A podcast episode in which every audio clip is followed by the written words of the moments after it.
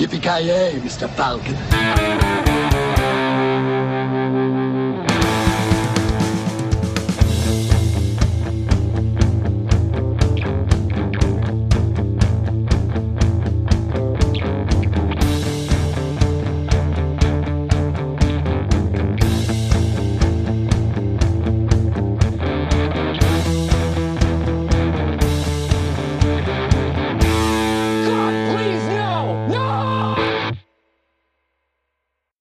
Damer och herrar, hjärtligt välkomna till detta podcastavsnitt av eh, Creative Meltdown Podcast.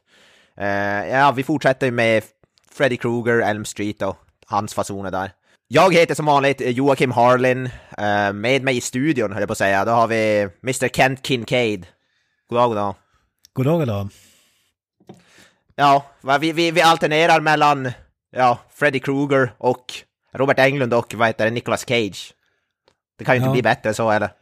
Nej, det känns som att det går en rak linje däremellan alltså. Det, det är riktigt pingismatch fram och tillbaka. Men jag tänker mellan de två måste vi väl ändå täcka typ alla filmer som finns. De enda filmerna som Nicolas Cage inte är med i är väl typ Elm Street-filmerna. Ja Det det, ja, det är sjukt att han inte har gjort någon sån här film. Det, det känns Ah. right up his alley. Vi, vi, vi vi vill ju som sagt se någon som Freddy Krueger en vacker dag. Ja, precis. Men så här, mellan de två så täcker vi typ alla filmer som finns och de bästa filmerna som finns. Så, det är Ja, ju, det, ja, ja. Det är ju perfekt. Det går hand i hand. Eh, men eh, på tal om att, på tal om att köra fast i ett träsk, eller köra fast, så vi, vi hade, det var ju lite roligt. Jag träffade dig här på jobbet häromdagen. Ja, Jag vet, inte om- jag vet inte om du minns? ja jag jag hade sovit lite dåligt, jag vet inte varför. Det var för, för mycket hypnosil. Ha- Hade du drömt någonting då? Ja, det, det måste vara. Jag, jag drömde att du satt fast i en jävla snödriva någonstans. Jag vet inte. drog jag in dig Ja. i drömmen eller var det... Ja, ja, jag tror det var fan du som hade kört fast och du drog in mig i din. Nej men jag, jag hade ju kört, kört fast i en driva som sig bör. Men det är ju fan alltså, alltså det är så jävla jobbigt, det blir så här tid på vad heter det året, kör alltid fast alltså. Och det är alltid, alltid så här på grund av någon plogvall, på grund av någon jävla plogbil som har skott, som har då plogat. De plogar ju som vägarna, då puttar de all snö till sidan så här framför, vad heter det, brevlådor. Och så kör man fast. Ja, det var ju jäv, jävligt eh, roligt när du berättade om den här. Men eh, alltså, ja, du, högerstyrd bil, det är ju tidningsbud för den som inte har koll på det. Ja, exakt. Satt, satt du fast då? Alltså, kunde du komma ut i biljäveln eller? Ja, jag kunde komma ut, jag gick ut och började skotta och försökte få loss biljäveln. Men, sen, men sen var jag tvungen att ringa till min nattchef då, och då kommer de dra loss mig. Det är det, alltså. Man satsar ju, för man är ju så jävla lat, man kliver ju inte ut ur bilen om man inte absolut måste. Så man tar ju så här satsen, ah, vad fan, jag kan ju komma fram till, fram till lådan. Och sen så stappar man på gasen och kör fram och så kommer man fram till lådan, men sen när man ska backa ifrån den, och då sitter man ju oftast. Och just den här gången var det väl att det var så jävla stor snö, så min bil hamnade som ovanpå snöhögen, så bilen fick som inte, däcken fick som inte grepp. Så den som satt nästan och balanserade ovanpå en stor snöhög typ. Och bilen bara, äh, däcken bara spann runt. Och det är ju så oftast det är när man vet, kör fast, att man hamnar ovanpå en stor snöhög. Det är det som är, och sen går det åt här. Sen gräver man sig bara djupare och djupare när man försöker gasa och däcken bara spinner typ. Hur fan hamnade du i den från första början? Vad skulle du göra för Ja, någonting? var, jag skulle, det var det, jag skulle köra fram till, till en låda bara som, och så var det så här stor plogvall framför och så var jag för lat för att kliva ut så jag bara körde rakt in i snö, snöhögen. så är det, det, det är typ... Det är typ 99% av alla gånger jag har kört fast på jobbet för att jag är för lat för att kliva ut ur bilen så jag kör rakt in i drivan bara för att hoppas att jag, att jag inte ska köra fast. Det är en stenmur här, äh fuck it, jag gasar. Ja, men det är typ så. För, bara, för det är ju när det här snöar och folk inte har hunnit skotta framför deras lådor så är man för lat och man bara ja vad fan. Ja, om jag bara tar i nog hårt så kanske jag kan plöja igenom som snövallen. Åh fy Men det- fan. Men då tänker man ju på att man måste sen stå stilla, som. det är inte att du ska köra bara rakt igenom den. Alltså att du kan ta så att du måste köra fram till en låda och sen stanna. Och då är det ju lite värre. Men det måste vara drömmen, du får ju softa på arbetstid. Hur, hur länge satt du fast? Nej, men den här gången var inte så farligt, det var bara typ en halvtimme ish. Men jag har ju varit värre, jag har ju varit det, eh, det har ju varit någon gång när jag suttit fast i två eller tre timmar eller något. Två timmar i alla fall. Vad fan händer då? Ringer du chefen, han kommer med någon pansarvagn och drar loss det eller? Och... Ja, men det är ju så. De drar så kommer de med, vad heter det, dragkrok eller vad heter det, mm, eh, ja vad fan heter det, fyrhjulsdiven oftast. Och dra, dra loss mig, så det är det, det, är det man får göra. Fan väl betala dyra pengar för att se det här alltså. Alltså det är jävla workout, alltså jävla slut man blir så stå och skotta där, det är typ... Först, först är det, man vill ju inte ringa i onödan först till chefen så man står ju där själv och skottar svinlänge. Man går till någon villa i närheten som har typ en spade eller någonting så står man och försöker skotta loss biljäveln. ja det är fan, det är kul alltså. Fy fan. Hur- Vad vad är rekordet? Hur, hur, hur länge har du suttit fast när, när du, som längst liksom?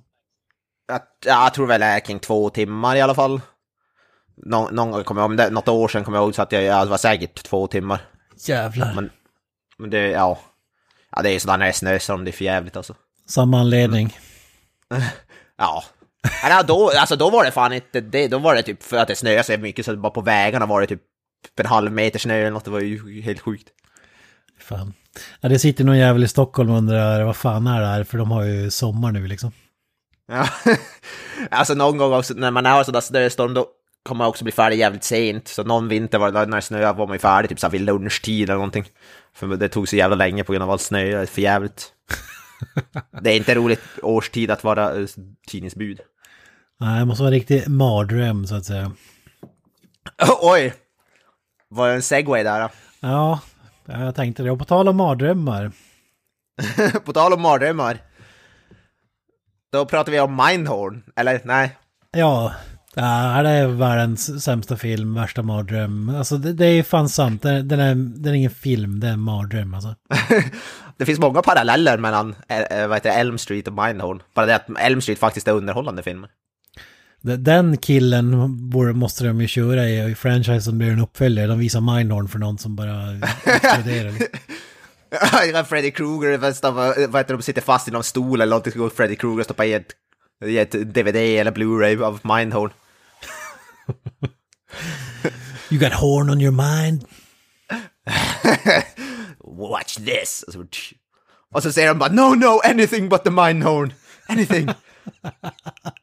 Alltså, det är någon jävel som stäbar ihjäl sig själv med en sked. Istället för Ja. att säga skiten. Please just gouge out my eyes, anything but the Mindhorn. Zoomar de ut och säger ja. Ja, det är ju typ, alltså om vi hade gått igenom de värsta mardrömmarna så är det väl Mindhorn rätt, rätt uppe, högt uppe på listan. Ja, ja fy fan. Nej, men det är ju inte Mindhorn. film. Och eh, disclaimer, vi vill absolut inte att folk söker upp den här filmen. Tro oss, den suger. Nej. Så den finns absolut inte på Netflix längre. Eh, vi kan ju låtsas som det i alla fall. Att den inte existerar någonstans. Nej, precis. Eh, Men nej, det är inte den filmen vi ska prata om, som tur är. Eh, Elm Street ska vi prata om, Nightmare on Elm Street, eh, fyran, fjärde delen. Dream Master är undertiteln. Hoo-ah! Hoo-ah! Oh, yeah. Eh, den är regisserad av, eh, ja, vi får ju lite nordisk representation här, skandinaviskt. Mr. Rennie Harlin. Finsk Ja. regissör. Regisserade bland annat vad han gjort, Deep Blue Sea har han gjort, kunglig film. Med eh, Samuel Jackson i huvudrollen, bland annat. Det, det, det, det är den du drar upp först liksom, hans... Ja, alltså det är, jag, inte, jag kommer inte, för jag, jag har ju inte sett Long Kiss Goodnight till exempel. Men Deep Blue Sea har jag sett. Ah, han har gjort den också, just det. Ah, ja, Cliffhanger, Die Hard 2, Driven med Stallone, den här Formel 1-filmen. Magisk film och innan den här så gjorde han den här Prison som är lite kultfilm med Viggo Mortensen bland annat. Ja just det, det är också någon sån här halvskräckis. Han är lite så här, han gör mest så här, äh, action, så här äh, actionfilmer, ganska explosiva. Sen gör han, har han några så här äh, avstickare, några så här, så här skräck, små skräckfilmer som den här och Prison och så vidare. Och Exorcisten har han bland annat gjort en film. Vilket är lite konstigt. Ja, just det, den där med Skarsgård, vad fan heter Stellan? Skarsgård. Eh, The Beginning. The Beginning, fantastiskt namn. Begynnelsen. Och så har han gjort den här Legend of Hercules. Inte The Rock-filmen, utan den andra som kom typ samtidigt som den. Med Kellan Lutz. Just det, rip klassisk rip-off-film när studion, när den ena studion ska göra en film om Ben Hur, då kommer det en annan Ben Hur som heter någonting annat Ja. och så vidare. Ja, det kommer ju, det kommer ju exakt, det, det är alltid någon sån film per år. Det kommer två exakt likadana filmer. Och den här kanske varit den mindre framgångsrika av de båda. jämfört med The Rock-varianten. Ja, men det, ja, men det är kul. Alltså, jag, jag tror att många eh, blir nog paffa typ när de inser att han faktiskt regisserar den här filmen. För det känns ju inte som, som du säger, som de tidigare filmerna har gjort. Han känns ju som, ja, i princip Finlands Michael Bay eller någonting, jag vet inte. ja, han är fan, han är finska Michael Bay. Det är fan bra. Kanske inte, han kanske inte har gjort någonting som är så klart lika bra som typ The Rock. Men ja. Nej, ja, D plus I är ju ett mästerverk, men... Ja, jo, jo. Samuel Jackson. Det är ju det är ju en, uh, show, vad heter det, Jaws, eller Hajen Rip-Off. Ja, ja, fanta fantastisk film. Men ja, men jag, jag, jag gillar många av hans filmer ändå. Long Kiss Goodnight, riktigt bra. Eh, ja, Cliffhanger förstås, jag tror jag pratade om det i podden tidigare. Die Hard 2, givetvis. Så han har, han har ändå ett, eh, ett bra CV. Han gör kanske inte de djupaste filmerna, men action vet jag ju. Nej, liksom. så, ja. Vi sa här innan inspelningen också, han står för världens största box office flopp genom tiderna. Uh, Cutthroat Island. Det, om man är justerar för inflation har den typ gått med förlusten så här 150 miljoner dollar eller någonting sånt. Vilket är ganska sjukt, det är någon miljard som den har förlorat. Så han var nog inte så populär efter den filmen tror jag. Det är en fjäder i hatten, får man säga. ja. Ja, för fan. Ändå att, det- att han får en sån budget att jobba med känner- är ändå mäktigt på något sätt. Även om det gick åt helvete så är det ju Ja. coolt. Ja, han får ju, han är ju ändå rätt. Han har ju, för, om man går in och kollar, han har faktiskt, han är ganska framgångsrik förutom Cutthroat Island. Så har han dragit in, om man går in på till hans Wik- Wikipedia till exempel så står det att hans eh, filmer worldwide har dragit in över en, eh, vad säger, jag, en miljard dollar. 1,1 miljard dollar. Och det var oktober 2016. Han är den 100, 115 highest grossing director in the global film market. Han är inte ens topp top 100 men eh, ändå. Ändå. Ändå. Han har ändå dragit in lite, lite, lite, stålar. Ja, ja, ja, ja. Ehm, Men man kan säga att han, han fick ju det jobbet för att han var ju fan av franchiset och eh, skulle inte ta no for an answer som man säger. Så han, han tjatade ju till sig den och eh, jag såg så här bakom kulisserna grej, då, då berättar ju de som bestämmer i filmen typ att ja men han, han fick jobbet för att han såg stor och stark ut och de visste att det skulle vara ett gruesome job att eh, att filma den, alltså det skulle vara jävligt slitsamt och han såg healthy enough ut för att klara av det. det är också jävla... De trodde att det skulle vara så jobbigt, vadå? Att, ja, okej. ja, han var väl, han var, var väl i sina, sin, sin top peak så att säga. Ja, när han var 88 kom den här filmen ut, så det var ju ett tag sedan. Ja, ja han, han såg lite ut som Fabio, en finsk Fabio kan man säga. Back in the days. Ja, fan.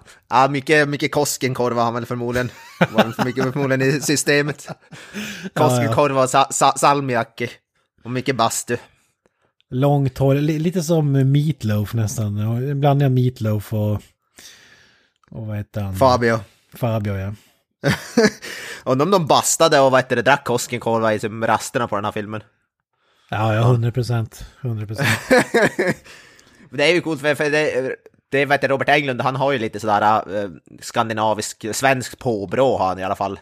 Han är, inte, han är ju född i USA och sånt, men han kommer väl från något så här släkte som härstammar från Sverige. Englund heter han ju i efternamn, Robert, alltså Robert Englund såklart. Och det är ju ett som svenskt namn ändå. Det, det känns som jävligt amerikanskt, typ ja, I'm 5% Swedish eller någonting. Ja. Ja men det är där, så där, när jag pratade med honom som jag berättade om förut så sa han någonting sådär att han har att det, det Englund-släktet typ härstammar från vad heter det, Sverige eller någonting. Så det är fan skandinaviskt. Vad heter det? Skandinav, vi kan, Sven, vi kan vara stolt över Elm Street. Ja, ja. Är, är det någon vi ska claima eh, som svenskar så är det Robert Englund, ju. ja, Robert Englund och Rennie Harlin. Det är de vi behöver. Han är ju inte jätte, jättesvensk i och för sig. Men... Nej. Nej, det är det ju inte, men ändå. Jag, jag är ju del, delvis finsk, så jag, jag kan ju vara stolt över det i alla fall. Mitt namn, måste- efternamn Avoya är ju genomfinskt. På tal om efternamn, Bond, James Bond. Vad säger du om den här jämförelsen som Rennie Harlan gjorde back in the days när han jämförde Freddy Krueger med James Bond och Rambo bland annat? Ja men det är väl, tycker jag väl är logiskt, eller? Jag ser ingen film med det. Det jag menar var ju att alltså, även om han är bad guy så där så var det ju, han var ju den coola snubben, den som alla ville vara. Han var ju lite, så han ville göra dem till någon form av hjälte trots att han var bad guy, antihjälte på något sätt. Ja men så är det ju, så är det ju i alla de här slasher-franchise, man, man, man vill ju se, se dem för the bad guy så att säga. Ja, man, man hejar ju inte på Alice i the final battle så att säga, utan Nej, nej, fy fan. det är Freddy K all the way. Trots att han är child murderer så, allegedly. Ja, det, är lite sjukt. Han är så pedofil, barnmördare. Och ändå som är det han vi hejar på. Det är lite kul. Ja, det där svajar ju lite. I vissa filmer är pedofil, vissa skippar de det, de bara barnmördare och... eh, Ja, Jag vet inte, Ja, barnmördare det- är en så jävla märklig titel alltså. ja, jag vet inte. De går ju, de går ju väldigt hårt i den här remaken med Jackie Earl Haley, går de ju väldigt hårt ut på det här pedofil. Då får man ju till och med se när han typ så här pratar och lockar till sig barn. Och så vidare och så vidare. Ja. Men de här, men de här hemslutet kanske var, jag vet inte, de är inte, det är inte lika, man får inte... De bara typ nämner det i förbifarten lite mer. Typ, oh he killed a bunch of kids and then the parents torched him. Typ så. Ja, fy fan. Man, man kan ju också säga, Wes Craven kom ju tillbaka för att göra trean, han gjorde inte tvåan. Men här försvann han igen och eh, vägrade vara med på något sätt. Han hade ju ett finger med i spelet i, i trean, men här vill han inte ens ta i det med tång liksom. Nej, just det, nej. Jag vet, inte, jag vet inte varför, det är inte som att den här är... Alltså den är ju sämre än Dream Warriors, men ja, jag vet inte. Han var väl inte så här jätte, jättesugen på att göra uppfölj överhuvudtaget, oavsett vad det var. Det, det är väl det som är problemet. Och Ja. Fast sen kom han ju tillbaka, fast det kanske vi, det är ju länge kvar, men han kom ju tillbaka själv och recenserade en sista Elm Street-film. Den åttonde eller vad fan det blir. vi, har ett kvar, vi har ett tag kvar dit. Vi ska ju först ta oss an den här i alla fall. Dream Master. Mm. Mm.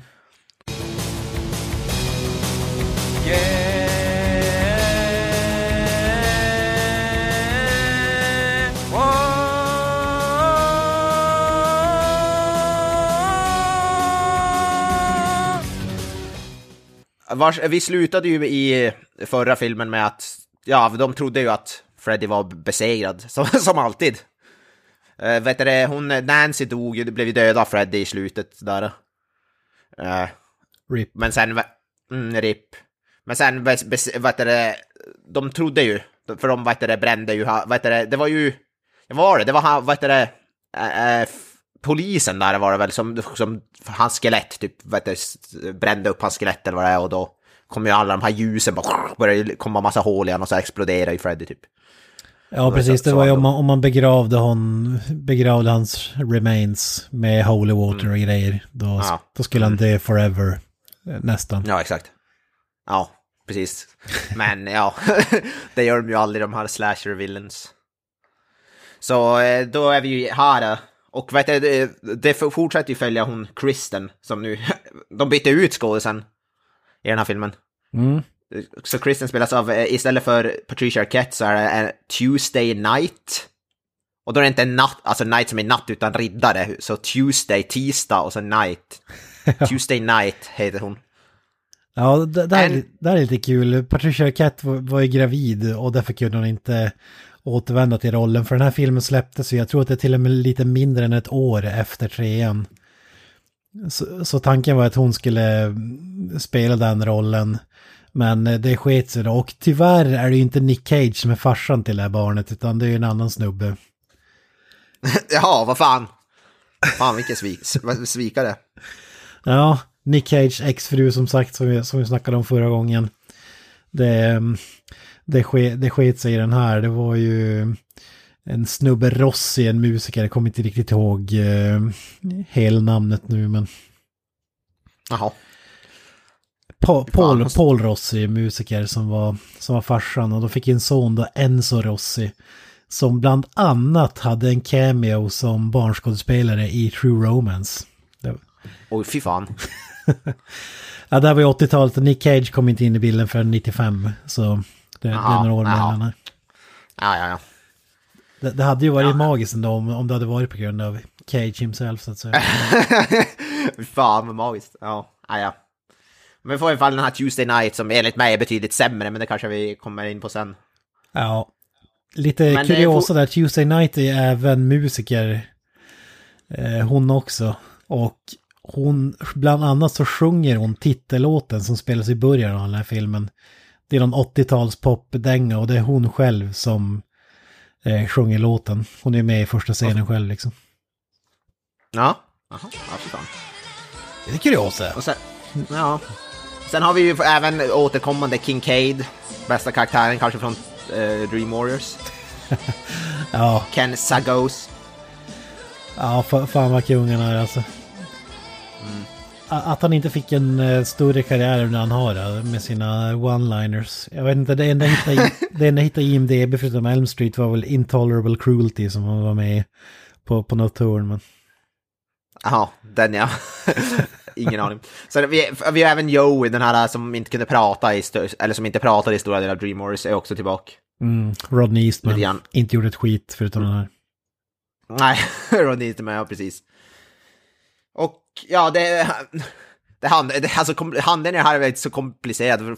Alltså, Freddy kommer tillbaka och vill väl typ avsluta det han började i Dream Warriors i princip. Han vill ta ihjäl, vad heter det, Kristen, Kincaid, Joey. Liksom, han kommer tillbaka. Det, det börjar väl, han kommer tillbaka genom att... ja, det är en hund som pissar eld. Där i början. Jag är lite jag funderar på hur det fungerar, men... Vad heter det, de följer efter hunden till den här där han dör, va? Det är det här jävla skrotupplaget typ. Precis, där de begravde honom i, i trean. Det är Kincaids dröm då. Och Kincaid Ja, har ju ja. en jycke som... Eh, ja, det måste vara en bl- blinkning till fredagen 13 men hunden heter ju Jason. Så. Ja, just det.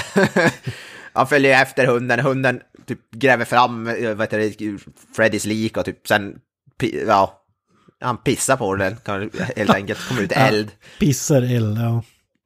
Ja, pissar eld på, på Freddy Krugers lik och så kommer han tillbaka. Ja. Kommer tillbaka till liv och så dödar han då Kincaid tyvärr ganska tidigt i filmen.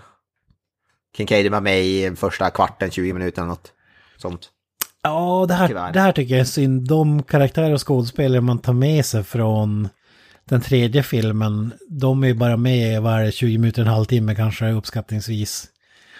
Och det, det tycker jag är jävligt synd att man inte gjorde mer med dem. För att de som tar över i facklan så att säga, är inte i närheten av lika intressant.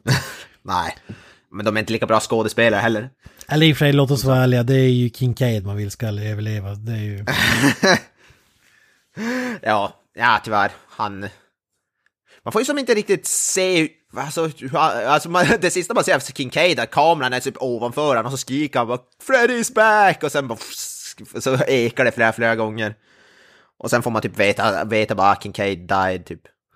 Man får ju som inte Jaha. riktigt se exakt hur han, hur han dör. Du kanske, du kanske har sett en klippt version, för i min så kör Freddy Krueger in handsken i magen på honom. Jaha, ja kanske, ja det kan vara jag som bara är glömsk också. Och så, Ja, ja, och så får man se skitsamma. när han vaknar upp, håller sig för magen och dör in bed så att säga. Ja, ja, men det kan vara jag som bara är lite glömsk. Kanske, ja. det, det var så forgettable så att jag glömde bort det kanske. Det var ingen i, sämre, sämre än Kincaid förtjänar. Ja, men vi har de nya karaktärerna, det är bland annat Brooke Thies, bland annat, som spelar världens eh, svagaste bodybuilder, Debbie. ja, precis. Ja, hon har inte så jävla stora biceps för att vara en bodybuilder. Hon ger Nick Cage en match här i galen frisyr, för den här frisyren är fan med större än eh, hon själv alltså. Ja. hon har vi ju precis. Och sen har vi den här, äh, hon som är, vad heter det, astmatiker, så här nördig astmatiker. Ja. Toy, Toy, Toy Newkirk heter skådisen. Hon, är, hon hon har gjort så lite grejer så hon har inte ens en egen Wikipedia-sida. Ja, då vet man att det är en Hon ser ut- kändis alltså. Hon ser typ ut som en eh, kvinnlig version av, vad heter den här eh, kända, vad heter den, Urkel. Hon ser ut som en eh, kvinnlig Urkel typ. Exakt, Steve Urkels syrra eller dotter eller någonting. Ja, exakt. Hon är astmatiker. Kan typ inte göra någonting utan att, vad heter det, ja. får en astmaattack. Sen har vi den största, den nya som huvud, alltså final girl, om man ska säga. Det är ju, vad heter det? Uh, Alice heter karaktären, Lisa Wilcox. Mm. Alice Johnson, det är den liksom nya Kristen av det här. För det blir ju att eh, Kristen dör ju också tyvärr rätt tidigt i filmen. Och hon som, den här Alice får typ samma typ av kraft som, eh, vad heter det, att kunna dra in folk i, i hennes drömmar och så vidare. Hon typ överför krafterna till henne på något jävla sätt. Vi får inte glömma Alice brorsa, Karate Kid. Ja, karate, karate, karatesnubben ja. Andres Jones som spelar Rick. Som då är tillsammans Ja, ja. med, med Kristen och syster till Alice. Mm, exakt. Jävla tillskott alltså. Och vi har även, vad heter det, Alice eh, pojkvän som är såhär jock-aktig snubbe. Dan, heter karaktären Danny Hassel. Jävligt forgettable eh, karaktär, typisk jock, Ja. liknande. Som typ inte gör någonting. ja, det finns många sådana i den här filmen alltså. Ja, och så såklart Robert Englund, Freddy Krueger tillbaka. Spelar två roller, han spelar, han har både en roll som en nurse Ja. och, som, och sen vad Freddy Krueger då såklart. Så det är lite roligt. Ja, Vill man se Robert Englund det- som transar så är det här filmen för dig. Så. Ja, det är så jävla kung. Han är fan övertygad. Visste man, eh, vi- vi- visste man inte ty- tydligt hur typ Robert Englund ser ut och sånt så hade jag hade fan köpt det alltså. Du hade hit bra. tap that så att säga, eller? Ja, ja, ja, för fan. Han ser ju bättre ut än alla, alla kvinnliga skådespelare i den här filmen. Ja, ja där, där är jag faktiskt med dig. Han, han är otroligt, otroligt grann karl. Som Linus Ja, ja, skulle ja. sagt. Ja, ja grannkarl, precis. Eh, Men det är i alla fall, vad heter det, eh, skådespelarlistan. Och som sagt, det är Rennie Harlin regisserar, men det sa vi ju. Och det är jävla, är som sagt igen, manus är skrivet av tre olika personer den här gången. Det är jävla komplicerade manus. Det är tre, Brian Helgeland, Ken Wheats och Jim Wheats som ligger bakom manuset. Inget namn som... Det är ju inga så Frank Darabont och vad fan var det med vi snackade om i förra Ja, filmen? här, här, Aaron Sorkin. här har du fel faktiskt. Har jag det? Ja. Vadå då? Eh, Brian Helgeland, han har ju faktiskt vunnit en Oscar för ma- sitt manus i LA Confidential. Jaha, Han, han har gjort en massa, det där var hans första jobb. Han har varit med i allt, han har haft ett finger med i spel i Bourne-filmerna. Eh, Robin Hood med Jävlar. Russell Crowe, han har, eh, alltså han har hur många som helst. Payback, Green Zone, Man on Fire med Denzel Washington. Eh, Mystic River, eh, han gjorde även några, skrev en manus till några Fredagen den 13 serien. Eh, och även, det här kanske inte man inte har på CV, men Daredevil med Batfleck. Åh fy fan! Ja, det är ju den enda rätta väl... Ja, Den här, är- vet jag, den här är från serien, han kan ju slänga sig i väggen. Batfleck är ju min Daredevil. ja, ja. Okej, jag tar tillbaka det jag sa, då är det ju fan ändå en eh, meriterad ja. Då, då, screenwriter så att när man ser den här filmen tänker jag ju, alltså vad fan smokar den här? Men eh, grejen var det att den här filmen kom ut under, det var en strejk under 87-88. Där manusförfattare och så vidare gick i strejk och han hann bara lämna in första draften. Eh, I normala fall, som vi berättade i den förra filmen, skrevs ju om fem gånger. Men eftersom att alla manusförfattare var på strejk så kunde de inte skriva om den så då fick eh, Eh, Rennie Harlin själv bland annat vara med och peta i manuset och det kanske inte är hans bästa eh, trade som director kanske så. så, och så, så därför har det, det har varit några stycken inblandade i det här och som kanske inte skulle ha varit det så att det är inte riktigt det här Academy Award winning eh, manuset i den här filmen får vi säga. Ja. Nej, det kanske inte är. Men eh, det är fortfarande, den här är fortfarande en del bra grejer den här. Det är efter den här som, det här är väl den sista Elm Street som faktiskt har kvaliteter skulle jag, skulle jag vilja säga. Efter den här går det snabbt utför. Mm, mm. Ja, den försöker ju vara, den försöker som behålla andan av tredje filmen, för tonerna skiftar lite i filmerna. Men här blir det ju, med René Harley blir det mer action, alltså det sprängs speglar, det sprängs, massor av grejer sprängs. Jag sa det, han är lite som en finsk Michael Bay, alltså det är ja. Kanske utan samma fingertoppskänsla. Ja, precis. Du, du har ju den här skräck... Du, man kan ju egentligen stryka skräckdelen i den här filmen tycker jag. Den har ju som ingen sån uppbyggnad utan det är coola special effects-scener med kills och så är det action och så ja, lite tjafs däremellan. så, enligt mig i alla fall. Ja, ja det är ju mycket varit sånt så här fram och tillbaka i den här i, i den här serien. Jag rekommenderar att folk kollar på dokumentären Never Sleep Again så får man se mycket intressanta intervjuer och inblickar. Mm. Den är, den är riktigt bra faktiskt. Va, vad säger du om det faktum att eh, den som castade filmen påstod ju att det var över 600 eh, skådisar som gjorde audition för rollen som Alice? Tycker du att de valde rätt eller? Mm, alltså jag tycker, nej, jag tycker inte hon är bra. Jag tycker, förutom typ, vad heter det, Kincaid så är det, och Robert Englund såklart, så är det inte mycket bra skådespelare i den här filmen. Jag tycker det är betydligt sämre än Dream Warriors. Det märks, ganska tydligt. Och att man dödar av de bästa skådespelarna så tidigt är också. Förutom då, hon den nya Ali, eller Kristen, hon är värdelös också tycker jag. Men eh, genom, han, karatesnubben, han tycker jag är cool. Ja, han kan få cred, men förutom det så är det väldigt...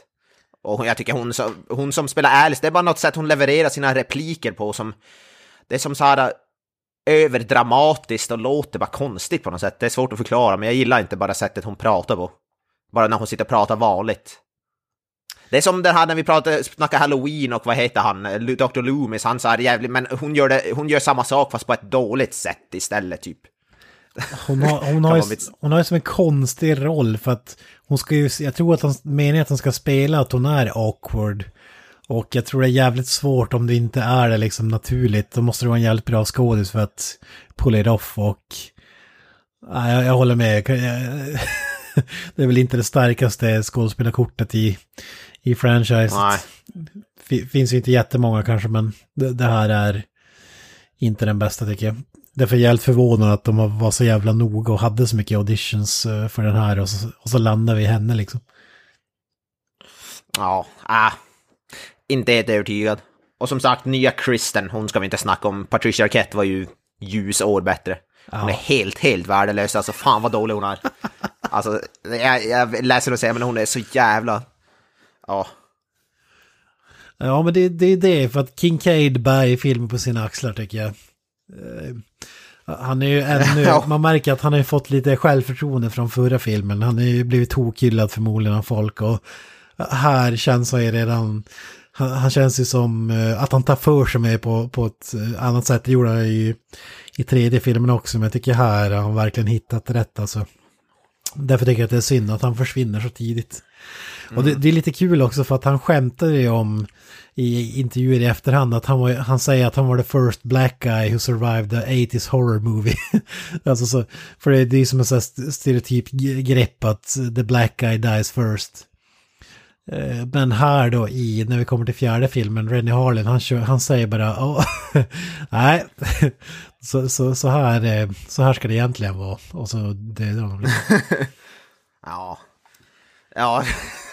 han kanske han kanske varit bättre arg på dig i Dreamworks. Vad fan, de dödade inte off the black eye first. Nej, nu jävlar ska jag visa dem. Men jag kan tänka mig också just det här, det, det var ju lite tjafs här med Wes Craven. Jag kan tänka mig att det är lite revenge mot honom. Att de grejerna han introducerar, att de vill stryka den och så vill de hitta på något nytt. Vi, vi sa ju det här innan att den här filmen känns bara som en ursäkt för att tidigare filmer har handlat om barnen till de som mördade Freddy Krueger ska, mm, är de Freddy ute efter. Men här hittar man ett sätt att eh, gå utanför det och eh, hitta nya jaktmarker så att säga utanför Elm Street-släkten eh, liksom. Ja, precis. De vill ju, det är därför de tar det här grejen med att Kristen för över sina powers till Alice och så bla bla bla. De måste ju fortfarande ha någon som kan dra in folk i, i andras drömmar och så vidare. Och då, ja, lite långsökt kan man väl tycka, men vad fan, de måste ju lösa det på något sätt antar jag. ja, precis. Ja, just, just den grejen behåller de, men de vill byta ut alla karaktärer och skådespelare på något sätt. Ja, Sen kan man säga Hellraiser kom ju ut, eh, vad var det, ett år innan den här tror jag. Och det märks ju helt klart, eller vad säger du? ja, Hellraiser är kanske en lite bättre film. Kan man väl kanske ändå säga. I alla fall första Hellraiser är ju fruktansvärt bra. Ja, men här, ju... redan i första scenen när vi är i Elm Street-huset så då hänger kedjor och grejer och alltså det, det är mycket, vi kan väl återkomma till det senare men det känns som att det är mycket som inspirerats av Hellraiser i den här filmen. Så lite Elm Street Hellraiser edition. Ja, ja det, är, det är ju senare också lite så här läder och nitar och sånt där som är ju synonymt med Hellraiser och mycket sånt. Ja, framförallt specialeffekter. Som... Ja. Ja, fy fan, vi ska inte tala om CGI än där närmare slutet, speciellt i den här filmen. Och fy fan. Inte... Men den har dock en del bra, bra praktiska faktiskt fortsatt från tredje. Den har en del, i alla fall en spe, scen speciellt som jag tyckte var fruktansvärt jävla obehaglig och äcklig att se på. Mm. Som drar tankarna till eh, typ The Fly med Jeff Goldblum. Ja, och nämnda Hellraiser. Och nämnda Hellraiser, ja exakt. Ja, men vad säger du? Ska vi, ska vi kasta oss in i filmen eller har du något, har du något sista grej att slänga in? Mm, nej, nej jag har inte så. Vi kommer ju spoila skiten ur den så. Ja, jag vet inte, filmen är typ 30 år gammal, nästan 40. Nej men jag över, över 30 i alla fall så ja. Blir ni sårade över det så får ni väl inte lyssna på det här avsnittet antar jag. Ja, vi får hoppas att alla hunnit se den på bio. När de lyssnar på Ja, ja precis. på bio nu. Gå och se.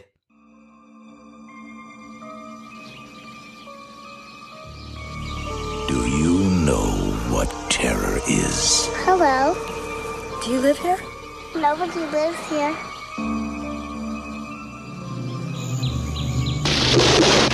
Real terror.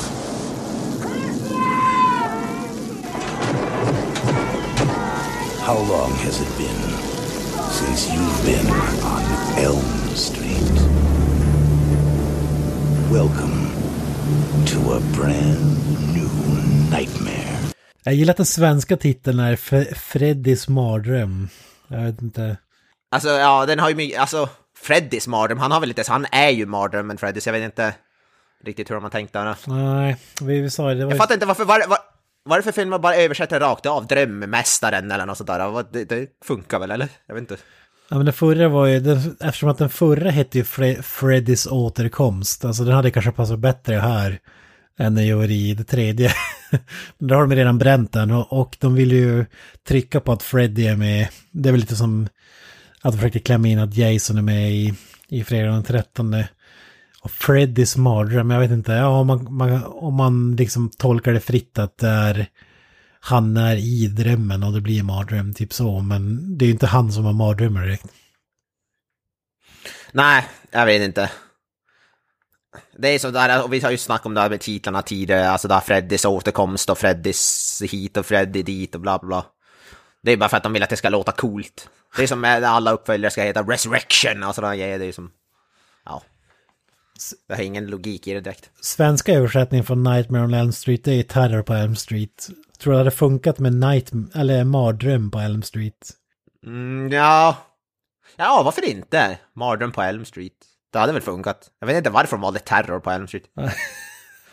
det är därför, för, ibland, eh, det skulle till och med jag bort om man kan säga typ Terror on Elm Street, alltså att det är typ de heter, men det är ju... Det är ju faktiskt den svenska titeln. Jag, jag, vet, jag vet faktiskt inte. Ja, det, det är snudd på, alltså det har ingenting med filmen att göra. Alltså, Nightmare är mer är en bättre titel så, men Terror på Elm Street tycker jag är riktigt eh, bra. Jag tror det är därför de fastnar också. Man tänker Terror on Elm Street vill man ju säga ibland. Istället för Nightmare. Ja. Ja, man säger ju terror på Elm Street oftast i alla fall, men... Ja. Whatever. Det, det här med svenska översättningar är ju ett mysterium. Det förtjänar ett avsnitt i sig. Ja, men vi, vi kastar oss in i filmen. Jag kan ta handlingen. Vi var ju pratat lite om den i grov, grova drag, men lite snabbt så... Ja, men den här tar, tar ju som sagt vid vid tredje filmen och det går ju ganska snabbt när man eh, knyter ihop säcken då genom att ta livet av de som överlevde trean och gå vidare till nya offer som sagt. Och eh, handlar ju då förstås om Alice då, som också upptäcker att det finns en Freddy K i hennes drömmar, eller mardrömmar kanske man ska säga. Och när hennes, eh, hennes vänner dör ju förstås en efter en. Ehm, och då märker han att personerna som dör, hon övertar inte bara deras personlighetsdrag utan även deras speciella egenskaper. Och med hjälp av de egenskaperna så ska hon försöka besegra Freddy då en gång för alla. Såklart. Mm, så det påminner lite om den tredje filmen fast ändå inte på något sätt. Ja, nej, den här är ju inte lika badass som tredje filmen. Mest på grund av som sagt, de har ju inte den här, det är ju inte någon sån här grupp som har superpowers i sina drömmar eller något sånt där direkt. Det är ingenting sånt coolt. Nej, nej Tyvärr. precis. Man har ju skalat ner på det där. Det var lite synd, det var ju det som var det roliga med förra filmen. Alltså, då hade de, det var ju någon som var liksom en magiker och ja men Kincaid var ju superstark och här är det typ, jag vet inte fan, eh, nu kan de bara karate. Och det är inte ens i drömmarna utan det är i verkligheten. Ja, nej, det är för att han som praktiserar det.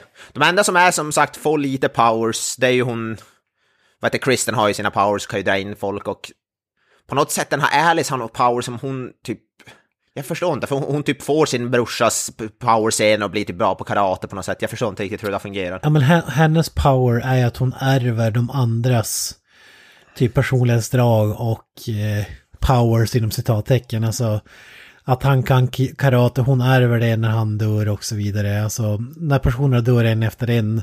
Det är därför hon röker ju inte men helt plötsligt så röker hon i nästa scen för att den personen nyss har exakt. dött och ja, hon använder sig av uttryck som de skulle använt så det blir som att deras själar tror jag ska vara hamnar i hennes kropp på något sätt. Ja, precis.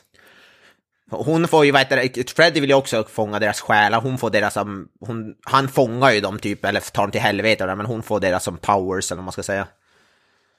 Ja, precis. hon- ja, han det är han- bättre beskrivning. Och han, vad heter det, han använder ju typ, vad heter Kristen och sen Alice då för att typ, han, han säger ju som han säger, give me more souls eller något sådär. Så, så att han vill ju använda dem för att de ska typ dra in folk i deras dröm så att han sen kan typ ta över dem eller vad man ska säga, eller fånga dem. Så han typ, han är deras proxy, eller vad man ska säga, han använder dem. Han är en jävla taktiker i den här filmen alltså. Ja, jo, det är han ju. Det- Och det ska jag väl ändå tycka är rätt smart att man, vad heter det, att han använder dem som någon slags conduit för att fånga in andra. Det är ju lite som, vad heter det, Kristen i första filmen typ, fast här är det ännu mer kan man säga. Ja, alltså det är som att han, han, han har räknat ut att om jag dödar den personen först ska den inte göra det. eh, Och, och så vidare. Och så sparar han en person till sist så att han kan döda, locka in alla andra i drömmen och, och mörda dem. Ja. Ja exakt, det, det gillar jag faktiskt i den här filmen. Det är väl kanske det, därför filmen heter Dream Master. Jag vet inte. Är det det som, De är, ju- är, de det det som är James Bond-draget här? Att han, han har blivit James Bond på det sättet? Ja, ja precis. James Bond och Rambo blandat. Perfekt liknelse.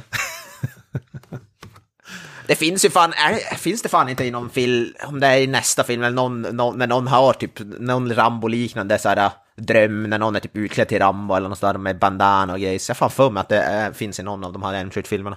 Så det är som går full circle. Ja, vi, vi har sett så mycket slasherfilm på sistone så jag måste säga att de flyter ihop alltså. Men Det är fredag den 13, det är Elm Street, allt. Ja, ja, det är speciellt med, alltså de, man kan som inte skilja man måste tänka ut någon specifik, i trea, man när man tänker Dream så måste man ju tänka på, ah, det är just det, det är ju eh, prime time bitch, då vet man att det är. Men efter Dream Warriors så flyter faktiskt alla ihop för mig. Det är de där tre första, första är ju en klassiker såklart, och tvåan är ju Fab 5 edition, så den är ju lätt att komma ihåg. Och trean är prime, prime time bitch.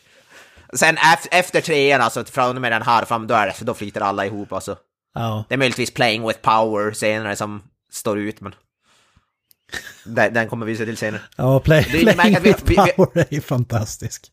Den är Ja. faktiskt fan magisk. Ne- ne- Alltså det är svårt att prata den här filmen rent kronologiskt, för den har som bara, det är massa, känns bara som en film med massa scener som man har tryckt ihop till en. Den har inte så mycket röd tråd tycker jag. Det är typ, det är några coola kills, men den har som inte mycket handling heller tycker jag. Jag tycker handlingen är rätt meningslös i den här filmen. Om jag ska vara helt ärlig. Jag hade svårt att komma ihåg, alltså efter jag sett färdigt filmen och tänkte hur fan ska man förklara för handlingen i den här filmen? Jag kommer, ah, Freddy Krueger kommer tillbaka och försöker döda en massa kids. Eh, typ det så, så jag försökte förklara den. För jag tycker ändå att första, andra och till viss del Dreamwars också, de har ändå som en som grundhandling. Typ tvåan, då håller han på att ta över killens kropp där och trean, då är det de här, det här psykhuset med vad det, ungdomarna där och så vidare. Men sen i den här tycker jag inte det är samma sak. Det är som Freddy Krueger kommer tillbaka, han vill döda folk. Det är som svårt att förklara på något annat sätt. Ja, det är lite en soft reboot av trean på något sätt tycker jag.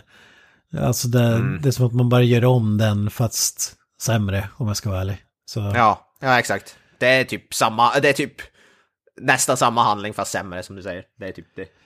Med all respekt för ändå vår några coola kills. vän, men... Ja, precis. Men den har ju ändå, till filmens cred så har den ju ändå några, några coola kills tycker jag.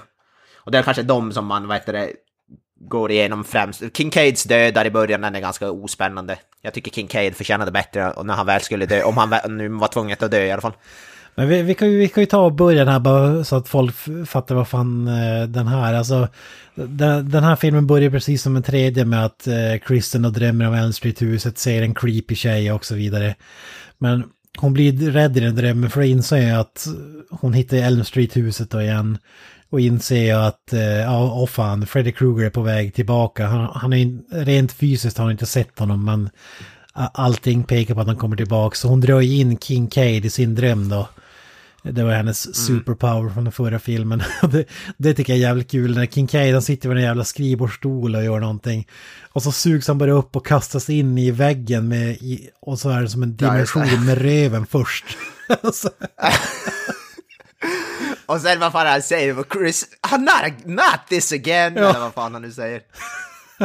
you are one sp- spooked ass chick. Alltså han menar att hon, Ja, han menar att hon, Ja, hon är en jävla ja, så- fegis som drar in honom hela jävla tiden i onödan. ja. Oh, shit, Kristen, not again. I'm sorry, Kincaid. Sorry. You are one spook chick. Shit. vad fan han säger, this is... You're putting one serious dent in my beauty sleep. Ja. Han, får- han, får, han får inte sin skönhetssömn. Det är så jävla guld. Ja, det, Alltså jag hade kunnat se resten, jag hade kunnat se resten av alla Elm Street-filmer med bara Kincaid i huvudrollen. Ja. Ja, det var det lycklig. Ja, fy fan. Jag, tycker- jag tycker det är fantastiskt också när, när han liksom skäller ut henne och berättar att Ja men vad fan, kom igen, fatta, vi vann, han är död och begraven. Ja, exakt. vad är det som händer? Men det, det, men det är det de visar, för andra in Joey också, då kom, vi visar de att kolla, det är the boiler, alltså det här rummet då som han brukar, det här källarutrymmet och det där med, ja vad fan säger man att en boiler är, någon värmepanna typ. Det, han, vet det var där han brukade typ dö, ta sina victims. Precis, Och det, det är som en braskamin som värmer upp huset typ. Ja. Ja. Och då visar de, stå, känner hon på den, att den är kall, för då det betyder att Freddy är död. Typ. För annars är i alla drömmar är den ju alltid fylld med eld och är varm och så vidare. Ja. Och nu är den kall. Se, see, the, the boiler is cold.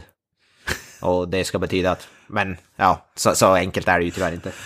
Alltså Kincaid har ju så många legendariska lines här i början för att hon, hon kollar in i den här boilern, då tror man att någonting ska hända men det händer ingenting. Hon vänder sig om och så hoppar Kincaids hund ut genom den jävla boilern och biter henne. och då tänker man typ, Ja, just det. vad fan är det här? Och så, och så sen när de, de vaknar upp då och så träffar de varann på skolan är det väl. Och så, och så sa han bara, ja men det här hände ju, fattar du inte? Din hund och så typ, eh, typ, ja men min, min hund är som jag själv, han, om du drar in i dina crazy ass dreams då blir han galen och, och då gör han såna grejer.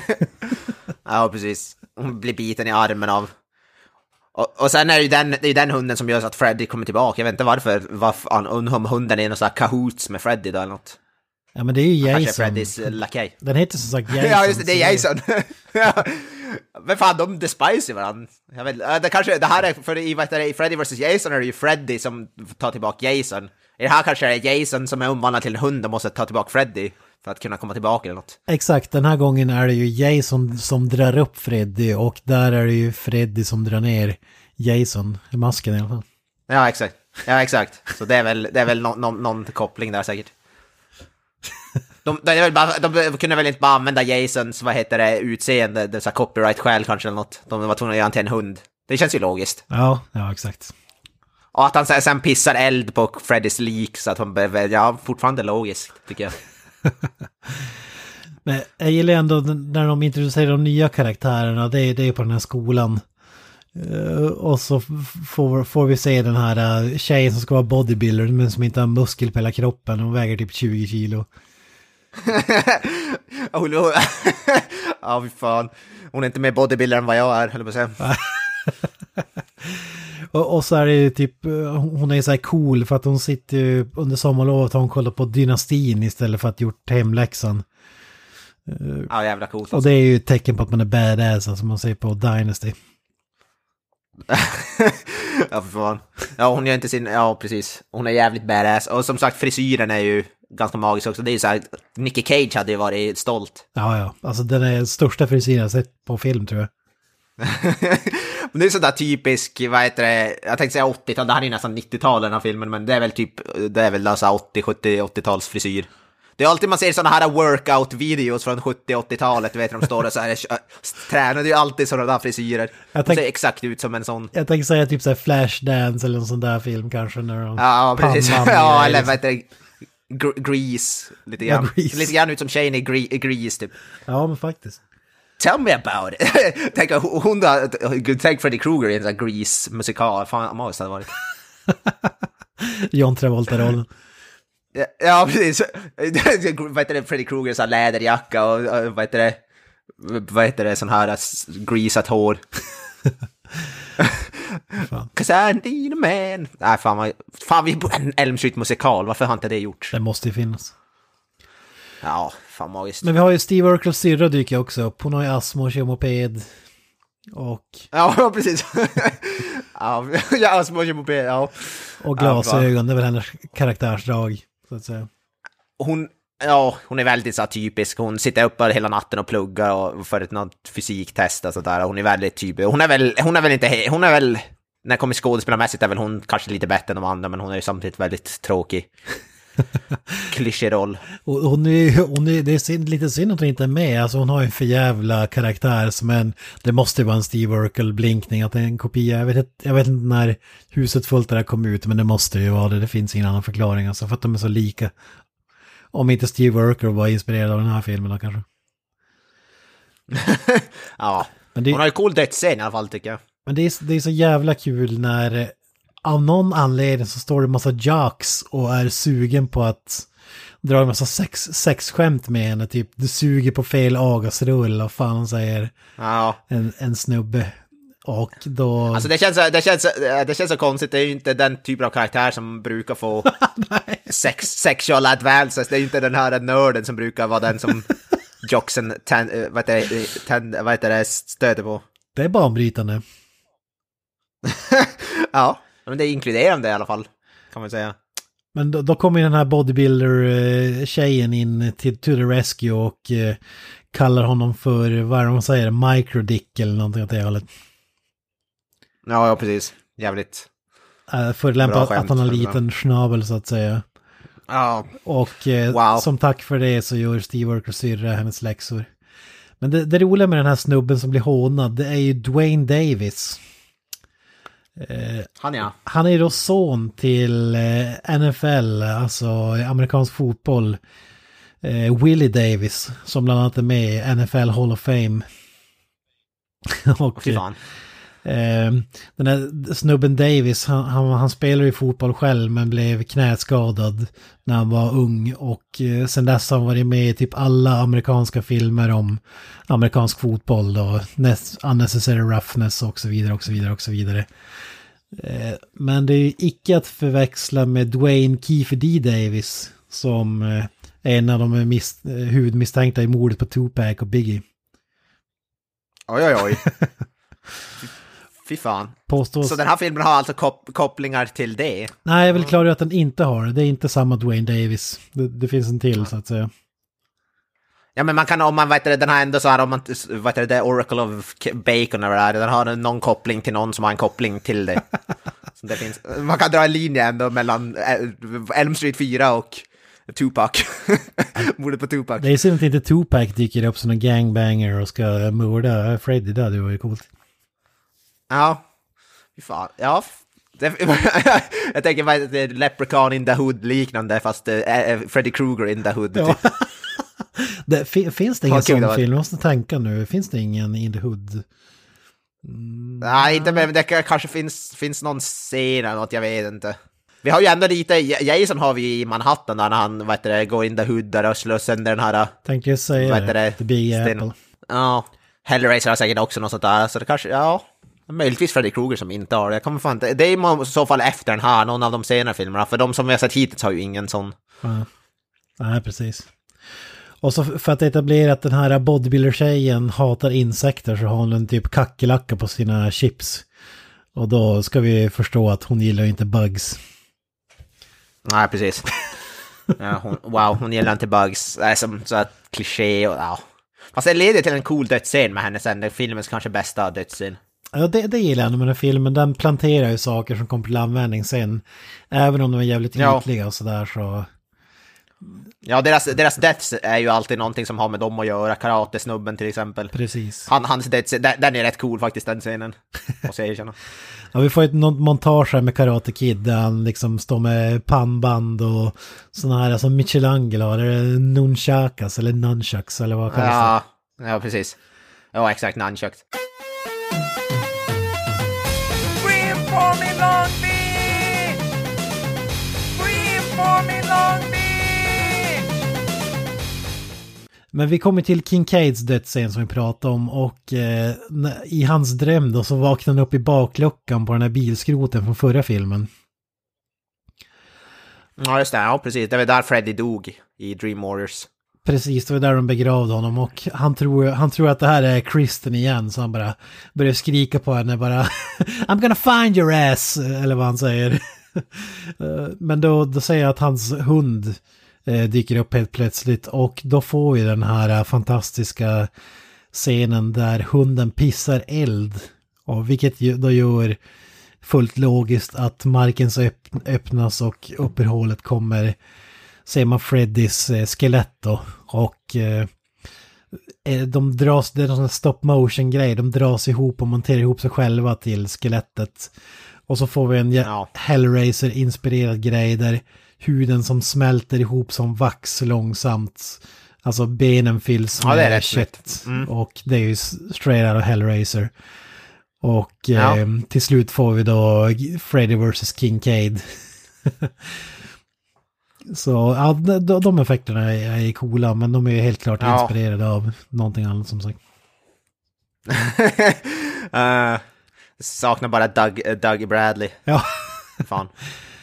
man får se Freddys skugga, de panorerar upp och så ser man Freddys ansikte och då säger han You shouldn't have buried me, I'm not dead. Vilket makes no sense, jag vet inte vad fan Ja, ja. de menar där.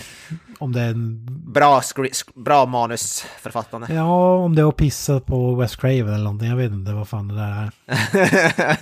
ja. Men- jag vet inte. Kincaid är superstark så han tror att han har spöat honom. Han säger take that motherfucker. Men eh, helt plötsligt börjar bilarna explodera och flyga omkring. Och då stängs han inne och eh, ropar ju då på Kristen att Freddy är tillbaka hundra gånger.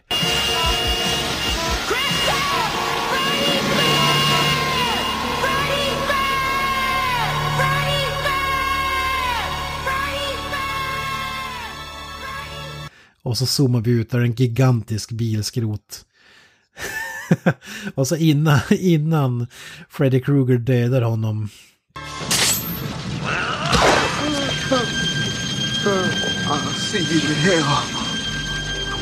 Tell him Freddy sent you.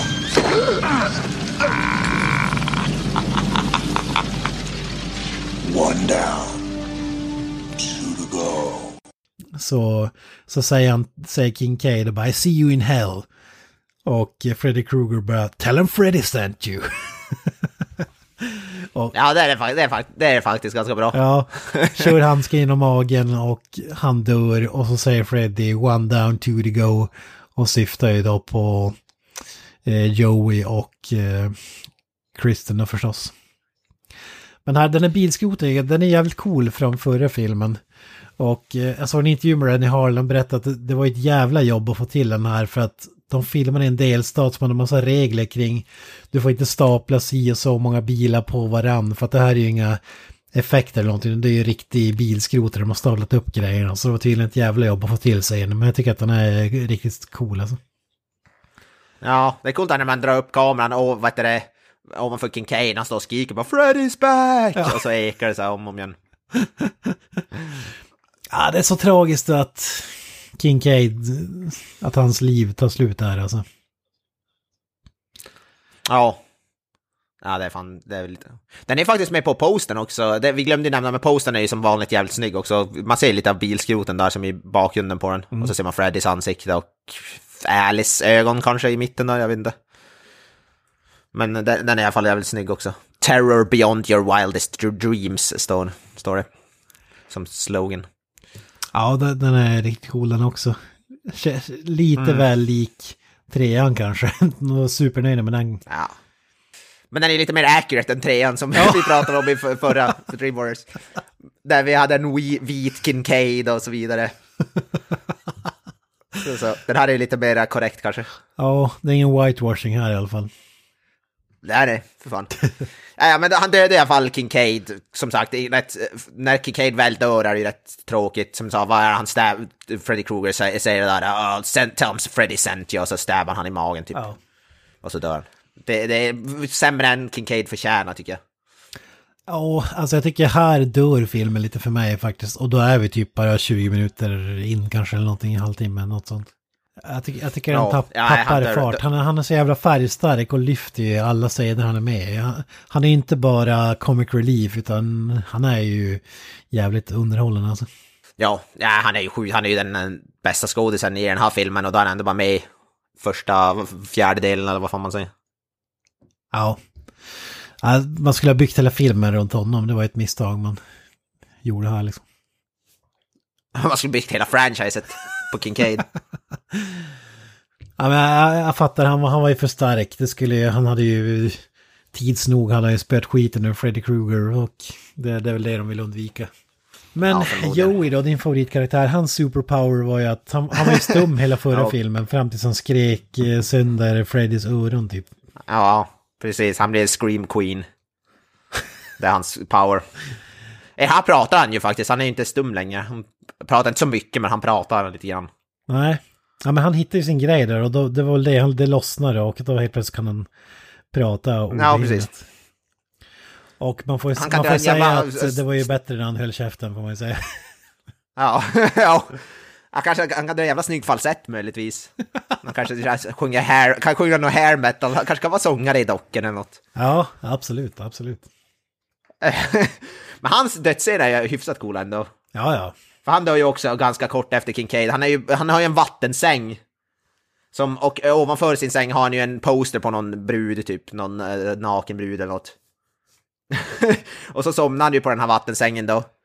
Eh, och vad heter det, sen känner han hur sängen börjar skaka då, för han, nu drömmer han ju och börjar skaka, så tar han bort täcket och så i vattensängen ser han då under, under sängen i vattnet ser han då den här tjejen och så kollar han upp på posten, posten är tom, det, tjejen har försvunnit från den.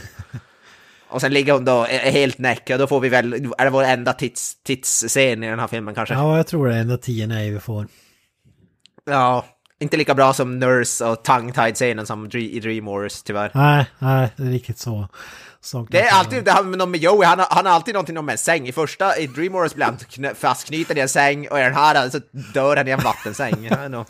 Vänta. Men det måste vara meningen, för, för då öppnades ju, det var ju lite samma grej, det öppnades ner i en avgrund, liksom hellhole. När han var fastbunden i, i ett stort svart hål i sängen och här öppnas det också upp ett hål fast med vatten då liksom. Ja, exakt. Freddy Krueger drar ner han i vattensängen där och sen hittar hans morsa han, eh, vad heter det, eh, vad heter det, tar bort täckena från sängen och ligger han i sängen där. Under.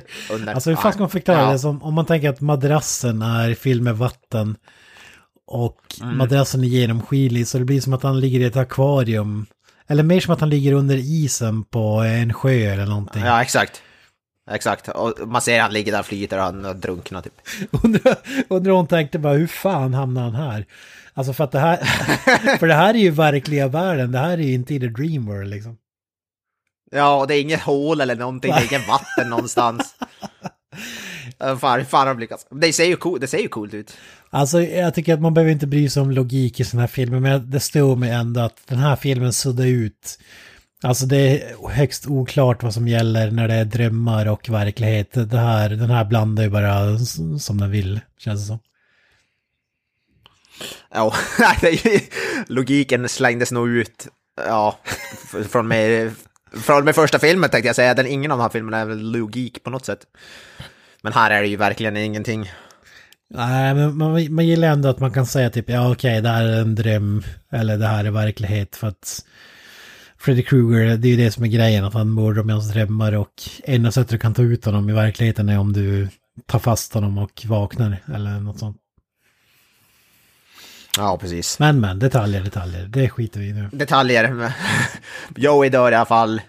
Kristen blir ju helt förstörd för de, hon märker ju sen att de är inte på skolan så hon blir ju... Ja, exakt. Ja, Deras, glad. bänk, deras skolbänkar är tomma och då är de döda. Ja. Eh, Ja, Fan, precis. Det, det är det första slutsatsen de drar. Ja, she killed him! Och så börjar de vet skrika. Vad fan är det sen? Sen vad heter det? Hon åker- in i väggen på något sätt, eller hon blir knuffad, jag vet inte vad det är. Och så, och så slår huvudet i vet skolväggen där. ja, hon knockar sig Och själv vad på något sätt. Ja. Och det är ju då hon vaknar upp och vi, vi får se, vad heter det, Fred, eh, Robert Englund som nurse. Sexy nurse, ja. ja. Ja, för fan, kung där. Ja, han, han, han kanske är lite, han kanske har lite, eh, vad heter det, crossdressing. För han, är- han, han är alldeles för, han är lite för övertygande, Robert Englund som nurse tycker jag. Det sitter kvar det där från eh, tvåan tror jag. ja, han fick mycket, han fick blodad tand tror jag. ja, för, för hon vaknar ju upp, eller hon tror att hon vaknar upp, men hon drömmer fortfarande, då vad heter det, eh, ligger hon i sjukhuset och då är det en nurse som bara säger ja, you had a nasty bump. Som vänder den här nursen på sig och så se, zoomar in så ser man att det är, heter det, Robert Englund slash Freddy Krueger och man ser hans så här fuckade tänder. Sen vet jag, vänder sig munnen och spruta och då får vi något liknande som i trean då, fast då istället för att säga let's get high så var det han säger I wanna draw some blood. Ja, exakt. Typ. Ja. Hans naglar alltså i den scenen är jävligt obehagliga. Det är största lösnaglar jag sett. Ja. Och så hans gigantiska glasögon också, riktiga parabolantenner alltså. Ja. Nej, kung alltså. Men sen vaknar hon, Freddy Krueger hinner inte göra så mycket, sen vaknar hon ju i sjukhuset då. Och det händer, det händer inte så mycket. Nej, då får vi, Alice får vi veta jobba som servitris och där säger jag att hennes största mardröm är att jobba som servitris hela livet. och då, Ja, precis. och då, då kommer ju hennes brorsa in på den här dinern, alltså Karate Kid. Och, och säger typ Alice kan du sluta jobba? Kincaid och Joey dog igår, typ så här helt oberört. Och så sen springer han iväg och snackar med sina grabbpolare under tiden. Det är som, som Ja, de är inte, de, de, är- de är inte så jävla obrydda, de kommer över det, det, alltså deaths ganska tid, snabbt. Ja, ja fy fan. Jag tänker det är så här någonting som i verkliga världen hade man varit så här helt förstörd i typ flera år och man hade aldrig kunnat komma över på och de här bara, ah fan, de dog, det är tragiskt men life goes on. Ja, tjena, du, våra bästa vänner har dött. Eh, Men du, jag ska, jag ska snacka med mina Jack-polare här borta. ja, vi ska, vi ska sparras säger ni. Ja. Karate sparras. Men de, de åker till Elm Street-huset och det här är första gången och jag vet inte om det är enda man får se Elm Street-huset i dagsljus. Det brukar ju bara vara nattetid i de andra filmerna. Ja, precis. Och, Ja. och då får vi en ny Jack eh, som introduceras då. Vad heter han? Dan? Dan, ja precis. Jävligt tråkig karaktär. Ja. Tillför ingenting. La, Ser, alltså det är typ så här, tänk er ärketypen, en stereotypisk jock, så ser exakt hur han ser ut typ. ja, han är bara love interest typ. Eller en ny kropp som ska... Freddy ska mörda liksom. Mm, exakt. Men eh, de, de drar historien om Freddy för honom så att han är också med på noterna. De drar därifrån. Och så kommer ju Kristens morsa är fortfarande en bitch i den här filmen. Det är ju samma skådis, visst är det från Dreamworks, det måste det vara, för hon ser ganska lika ut. Så henne har de tagit tillbaka. Jag vet faktiskt inte, men det var ingen bourbon i den här filmen i alla fall. Nej, fan den, det var fan synd. Men hon är, ja som sagt, hon är fortfarande en bitch. Hon vill ju bara, hon är ju fortfarande så obrydd. Hon, vill hon bryr sig inte om att, eh, hennes välmående, hon vill bara att hon ska sova så att hon är mindre jobbig. Typ. Ja. Och typ, vad fan, vi, Det- vi har ju snackat om det här i terapin, ja men typ 40 pers dog förra filmen. Ja. det, det var bara... Och hon vet bara, kan, för fan, kan, du, kan du inte bara så... Alltså hon, hon, hon Kristen är ju helt förstörd, bara mina vänner dog igår och då skulle det påverka din aptit. Och morsan bara, nej, nej, det är bara för att du inte sover nog. Ja, Ja. Typ, Det är det något fel på maten eller? nej mina vänner, jag har ingen aptit för mina vänner dog bara. Nej, jag tror nog det är för att du sover så lite. Jag har nog sett det, young lady, att du inte sover. Och då har jag stoppat Det in massa inte- sömnpiller i fläskkotletten visar det sig. Ja, precis. Och då vet jag, hon säger det, Kristen, no mother, you've just murdered me. Ja. Och då hon vaknar upp på stranden där, den, den, den scenen är väl rätt cool. Ja. Då får man ju se vad heter Freddy, Freddy Krueger göra en vad heter, så CSI Miami-grej som han tar på sig solbrillor. Ja, det är riktigt badass alltså. För hon, hon vaknar upp på en towel på en beach. Det är ju lite random kanske men... Men hon, hon har ju fått, eh, för, för det- det glömde vi nämna, men den här Dream Master-grejen är ju Alice som, hennes morsa har dött och hon hade någon sån här ramsa och snackade om om man drömmer så kan man välja innan man somnar så kan man välja att ja men nu vill jag drömma om någonting, ett bra ställe och då hamnar du i den drömmen när, när du somnar och hon tar reda på det tipset för hon försöker ringa Alice men med sömnpillerna gör att hon slocknar. Och då ser hon sig framför att hon ska vara på en strand och så vaknar hon upp med ah thanks Alice och tror att allt är lugnt men då får vi det high-fanen här. Ja, precis. Och hon, det som jag tycker är, så, hon vaknar på den här stranden och säger det här, hej till den här lilla flickan och sen bara säger man jaha okej, sen lägger hon sig tillbaka på toweln som att allting är chill. Hon är inte som alls brydd om att hon vaknade på en strand. Hon, typ så här, hon lägger sig och fortsätter sola som att allting är som chill. Bara, ah, fan vad nice. Det kanske är en bra dröm det här. Och sen ser hon ju det här i hajfena som typ är Freddys handske egentligen. Fast det är också en hajfena. Ja, det, det, jag tror det ska vara handsken men effekterna är inte super... Eh, inte de bästa i filmen så att säga. så det ser ut som en high-fan med, med taggar på. Jag älskar exakt. det där den att ju- sandslottet exploderar för den kommer ju närmare land, den här high-fanen. Ja, precis. Det är som en Michael Bay, som sagt, som en Michael Bay-scen. Det får in, ingen anledning för det, men den bara exploderar. Ett stort, ja. ja men det är Rennie Harlin. Handgranat på den. How can we Ja, get exakt, some action in this scene? Typ. hmm. This scene is good, but it's not enough explosions. Ja, need more explosions. det, jag tänker på det som sättet Reddy Harlan och Michael Bay tänker på. Alltså det var, var som en, vad kan säga den är, but, but, but how can we get more explosions? Det är Reddy Harlan.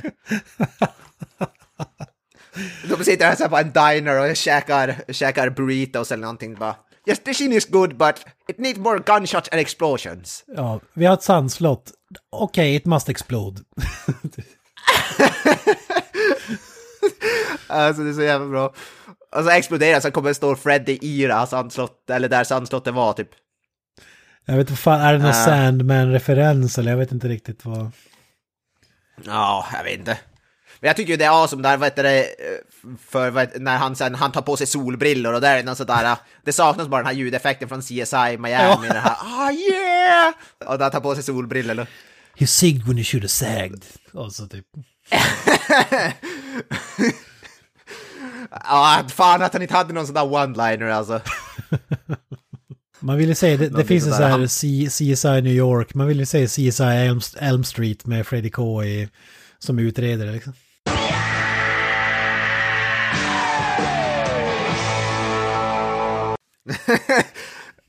det är såhär Sherlock-liknande, bara hmm. Han har chilisås på, vad heter det, på sin slips.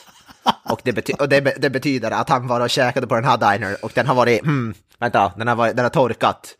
Så det måste vara minst tre timmar sedan. Ja men det, den här klassiska Robert Downey Jr. Sherlock Holmes, han liksom calculates swing five degrees left. Ja. Vänta, hon, hon, hon, kommer, den här, hon kommer springa ditåt. Så om jag tar en shortcut här så kommer jag intercepta hon och sen kommer hon få ner igen och så bla bla. Ja, Kincaid, han vad kommer böja stolen i fy- 45 grader. Han kommer... alltså, jag slår honom med benen. kul. Ja, fy fan vad kung. Ja, det vill du säga. CSI Elm Street. Fy fan. Jag tänker då såhär good cop, bad cop med vad heter Freddy Krueger och Jason. Vad heter det? Jason är typ den stora producer, typ Gunvald, som inte pratar så mycket, men vad heter det, var jävligt våldsam. Alltså jag ger han ger, vad heter det, byd, byd till, till vad heter det, Freddy Krueger, bara, ah, gå och spela någonting. Så tar jag hand om det här. Ja, gå, gå, gå till kaffeautomaten och köp en kaffe. Ja, och sen kommer han tillbaka, kommer Freddy Jason tillbaka, ah, jag vet, jag vet var han gömmer sig. Han gömmer sig på, inne på Buttricks. In the boiler room. Ja, precis. He's hiding in the boiler room. Nej, men hon springer ju iväg och hamnar i någon sån där kvicksand eller vad fan det är. Sjunker ner i någon Ja, han kvicksand. stampar ner i kvicksand. Och så berättar han att eh, han vill att hon lockar in de andra i sin dröm så att han kan döda dem också. För att han kommer ju bara åt Elm Street-kidsen. Han säger att hon är the last Elm Street brat. Ja, precis. Hon, för hon, är, hon var ju den, hon är den enda som lever vid den här tidpunkten från Elm Street. Och eh, hon sjunker ju ner genom kvicksanden, ner in i huset typ. I, i vad heter det, Freddys, eller The Elm Street House. Kommer som, hon kommer, sjunker ner och sen upp, vad heter det, genom taket eller vad det är. Och så hamnar hon ju där. Och hennes dödsscen är ju också rätt tråkig. Hon, vad heter det, vad fan är det, hon kastar, Freddy kastar in hon i, en, i den här boilern typ och så bränns hon till döds typ. Eller något sånt där. Ja, ja, men hon, hon, hon drar in Alice i drömmen först och Ja, exakt. eh, Freddy Krueger slänger in henne i the boiler och Alice vaknar upp. Eh, och Det är, då hon, det, är, det är då hon får hennes powers, typ. Säger hon inte så take my powers eller något sådär, säger Kristen East innan hon dör. ja, just det, just det. Ja. Och det, då får vi den här Freddy Krueger i bara överkropp får vi se. Och det ser ut som Book of the Dead, Evil Dead när han drar upp. För det är en massa små huvuden som sticker ut i huden. Och det är ju, vad de säger, själarna från alla Elm Street eh, Children. Mm, precis, det är små ansikten som bara kommer ut i bröstkorgen på. Det där är ganska coola effekter. och- Och, Ja, ja. Jag undrar vad, han måste ju haft någon sån här prosthetic på, om, om det är någon sån här animatronics, att någon står typ utanför bild med någon jävla styrspak eller någonting. ja, ja, men precis. Typ alla effekter den här är praktiska. Så det är ju fantastiskt. Ja. Ja. Och hon, hon, nu är hon ju dött och Kristen, hennes rum, de kommer väl dit men det brinner typ i hennes rum eller något. Hon är... Ja, det är också. Hon ligger, det är stor jävla eh, majbrasa i hennes säng. Alltså, det är också så här. eh, Ja, typ. Det är typ bara, alltså hela resten av huset är opåverkat men det är typ bara hon som har eldats upp. Ja. Ja, jävligt. Så, så hon är ju också död rätt tid och då är det bara heter det, Alice och hennes polare kvar då.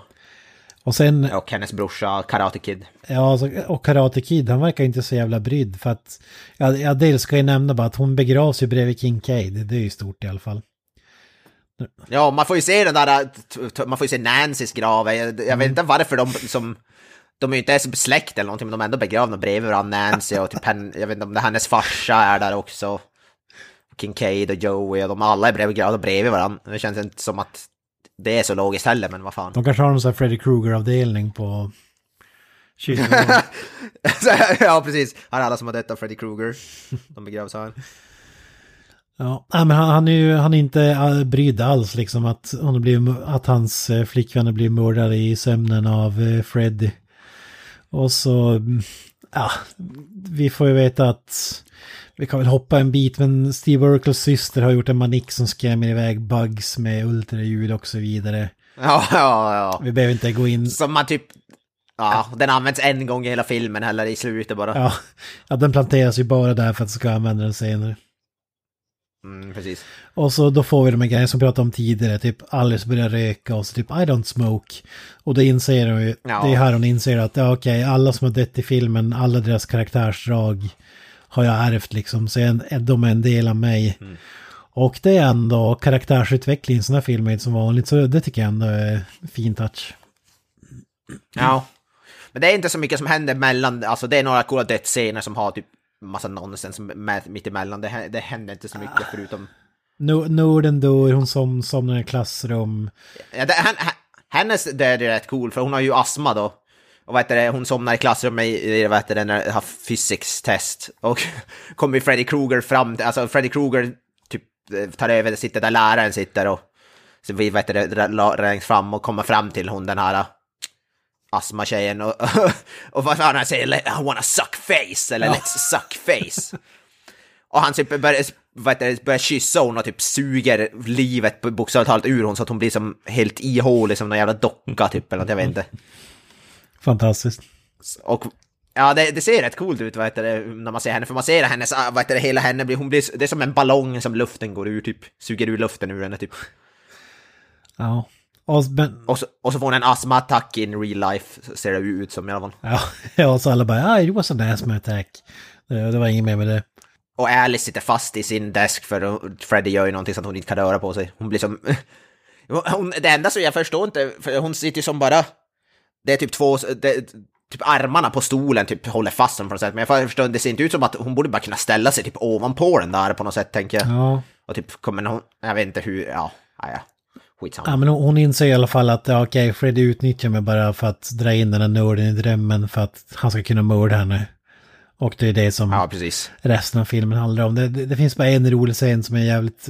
Alltså när den här Karate Kid snackar med sin polare. Typ, we're dropping off like flies here. Så att han menar att den här Freddy-historien är nog sann trots allt. Och då maxlöper han, typ, det är typ så fem meter till hans syrra som står där. Han har en jävla rock så det ser jävligt kul ut när han springer. Och så smäller han i... Jag vet inte varför han springer så jävla fort alltså. Ja, men det är ju brådska fan.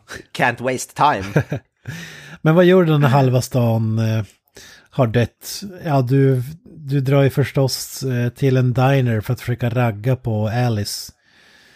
Ehm, Ja, just det. Ja.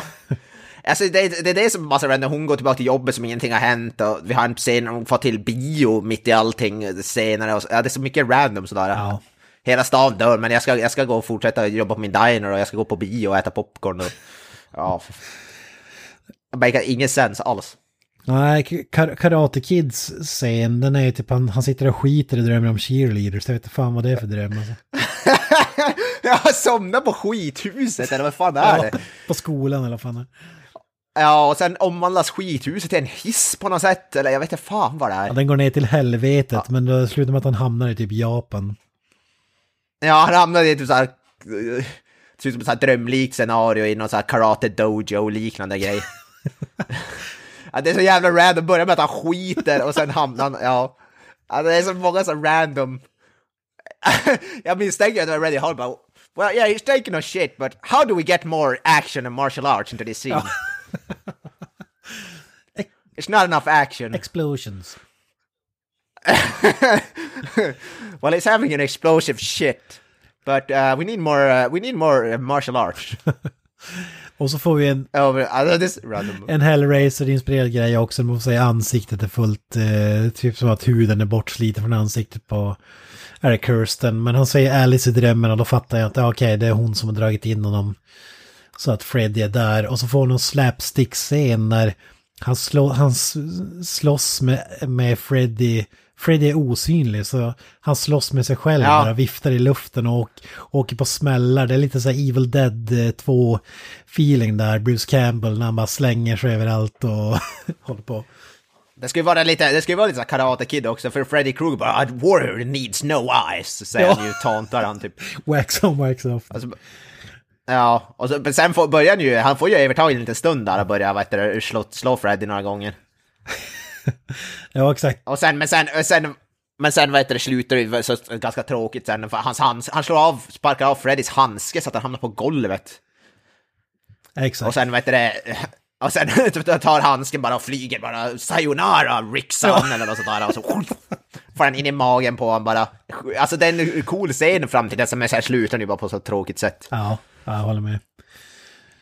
Ja. Vi får en ny begravning.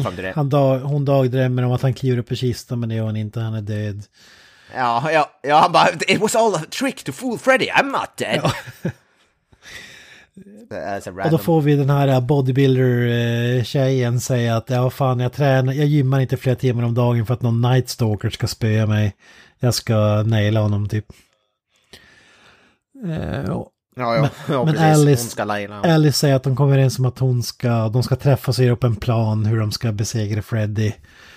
Eh, Hon åker hem och då tar hon ju brorsans, de här eh, Michelangelo-vapnen från Turtles, Nunchakas eller vad fan det kallas. Och då får vi, får vi ett montage med henne också när hon snurrar de här runt kroppen och det är någon person med en peruk som verkligen inte ser ut som hennes hår. Alltså man får ju bara se ryggen på den här skådisen. Ja. Alltså den är så cringe den där när hon, vad heter det, står och tar på sig, vad heter det, där banda, den här bandanan runt handen och sånt där och det ska se så coolt ut, det ska se ut som från någon martialfilm, det ser bara cringe ut. Ja, Med så här musik. Ja, det ser ju inte cool, badass ut på något sätt alltså. nej, nej precis. Och så ska, ja, som du sagt, hon står och börjar vifta. I någon scen ser man när hon bara gör de här enklaste rörelserna ser man att det är hon, men sen när hon börjar, när det börjar gå så fort då är det ju typ någon annan. Det är, det är ju säkert typ, säg det, en snubbe eller någonting, men det kanske är Robert Englund med en frisyr. Ja men det är 100% någon stuntsnubbe för hon ser ju jävligt robust ut alltså helt plötsligt och hennes hår är jättelångt och fyrkantigt liksom. Det, ja det är fantastiskt. Det, det ska ju vara så här att hon har, ja, har fått sin brors krafter och börjar bli jättebra på karate typ. Det är väl det som är tanken. För hon blir så bättre och bättre ju längre scenen pågår och sen är, i slutet är hon ju värsta karate ma- master typ. Ja. Fy fan. Men det, och så får vi den här som du sa, hon går ju på bio och ser en svartvit film, sugs in i filmen. Alltså det är Alltså det är så random, varför i helvete går hon på bio mitt i allt? Hon, hon ska som, hon gör sig redo för att slåss med Freddy. Nej men vad fan, jag tar ett break och går på bio. Jag förtjänar, jag förtjänar, alltså det var så jävla random, jag var helt förvånad, vad, vad fan? Men det är väl en klassisk, det är väl en klassisk i de här slasherfilmerna att de kommer på coola scener de kan göra, typ vi kan göra de här effekterna och så vidare, hur får vi dem dit och så tar de sig bara dit och gör de grejerna, typ känns som en sån scen. Ja. Ja, det är ju ingen logik i varför hon går på bio, det finns ingen logik alls i det. Men, det är ju rätt coolt, hon sugs ju in i filmen och det ser väl hyfsat coolt ut. Och sen ser hon som publiken inifrån filmen och då är det ju alla hennes döda kompisar som sitter i biostolarna typ. Det här är ju som Arnold-filmen där vi snackade om tidigare. Ja, just det, Last Action Hero. Exakt. Ja, ja precis. Fan, det är mycket, ja, det man ser, det kanske det är Rennie Harlan tog inspiration från. Ja, ja. I och för sig, vad kom den här ut innan Last Action Hero? Nej, jag vet inte. Han kanske influerat alla jävla filmer som har gjorts liksom. ja, ja, ja. Men hon, hon, till slut så hamnar de på den där dinern där hon jobbar och hon sa att hennes värsta mardröm var att hon skulle jobba där resten av livet och hon möter sig själv som gammal, hennes worst nightmare och Freddy dyker upp där och säger if the food won't kill you the service will.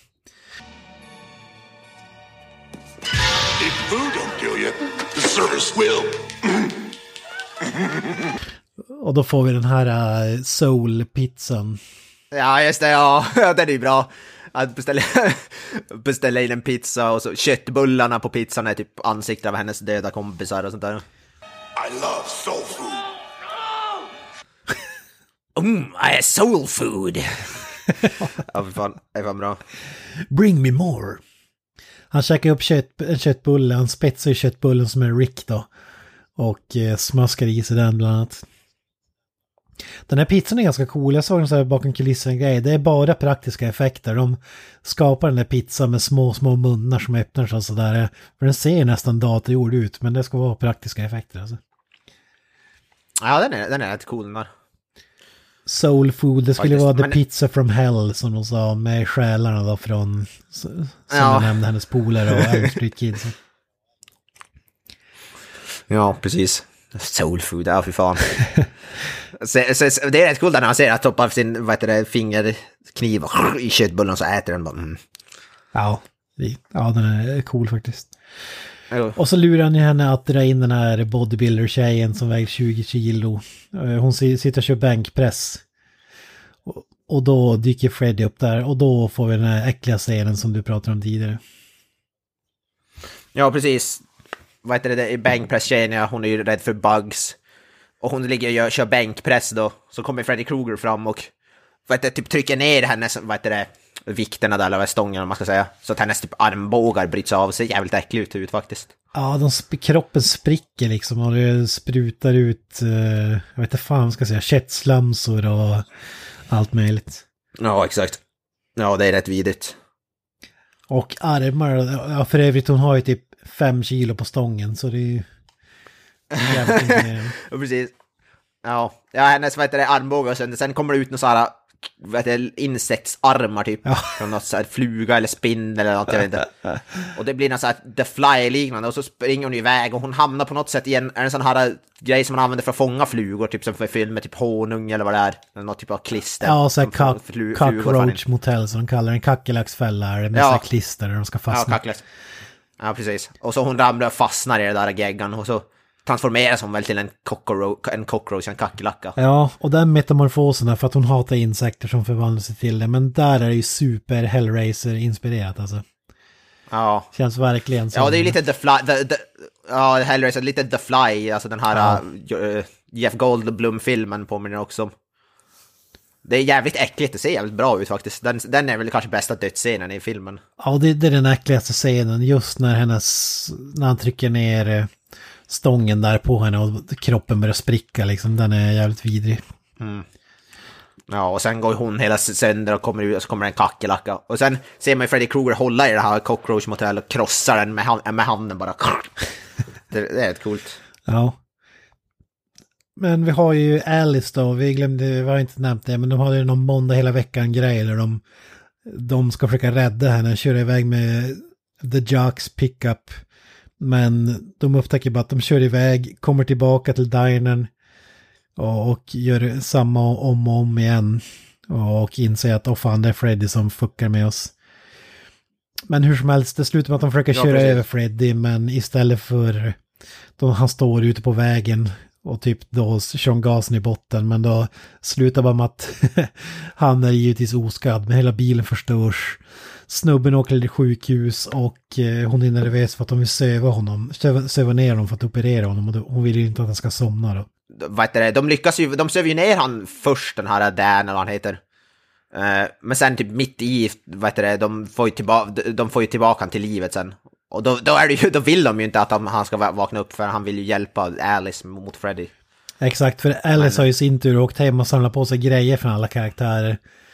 Hon har, hon har ju fått, eh, hon tar ju en burk med sömnpiller, bug den där som Norden gjorde, karatepannbandet, vad fan det är nu ska ge.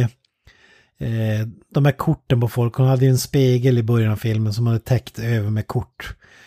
Och så tar hon med sig en jävla väckarklocka, ett nitarmband också tror jag som hon fick av den här eh, bodybuilder-tjejen. När hon fick det så var det typ två centimeter brett och här är det typ två meter brett. Gigantiskt jävla nitbälte alltså. Ja, precis. det är mer Hellraiser-referenser än nitar och läder. Ja. och så saknas bara Magnus Uggla-låten här. Ge mig bara nitar och läder. rocka på med Markoolio. Ja, fan. Fan vad coolt, jag om, jag om en sven, svensk dubbad version av filmen med de låtarna. uh, shut up and take my money. Ja. Nej men så, så hon samlar alla krafter, söver ner sig själv.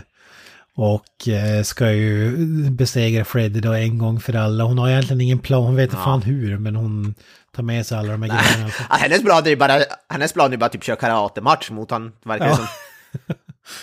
Hon börjar bara slåss, alltså de börjar bara slåss henne. Hon slår Freddy och sparkar en massa gånger i ansiktet, han står typ och skrattar. Ja.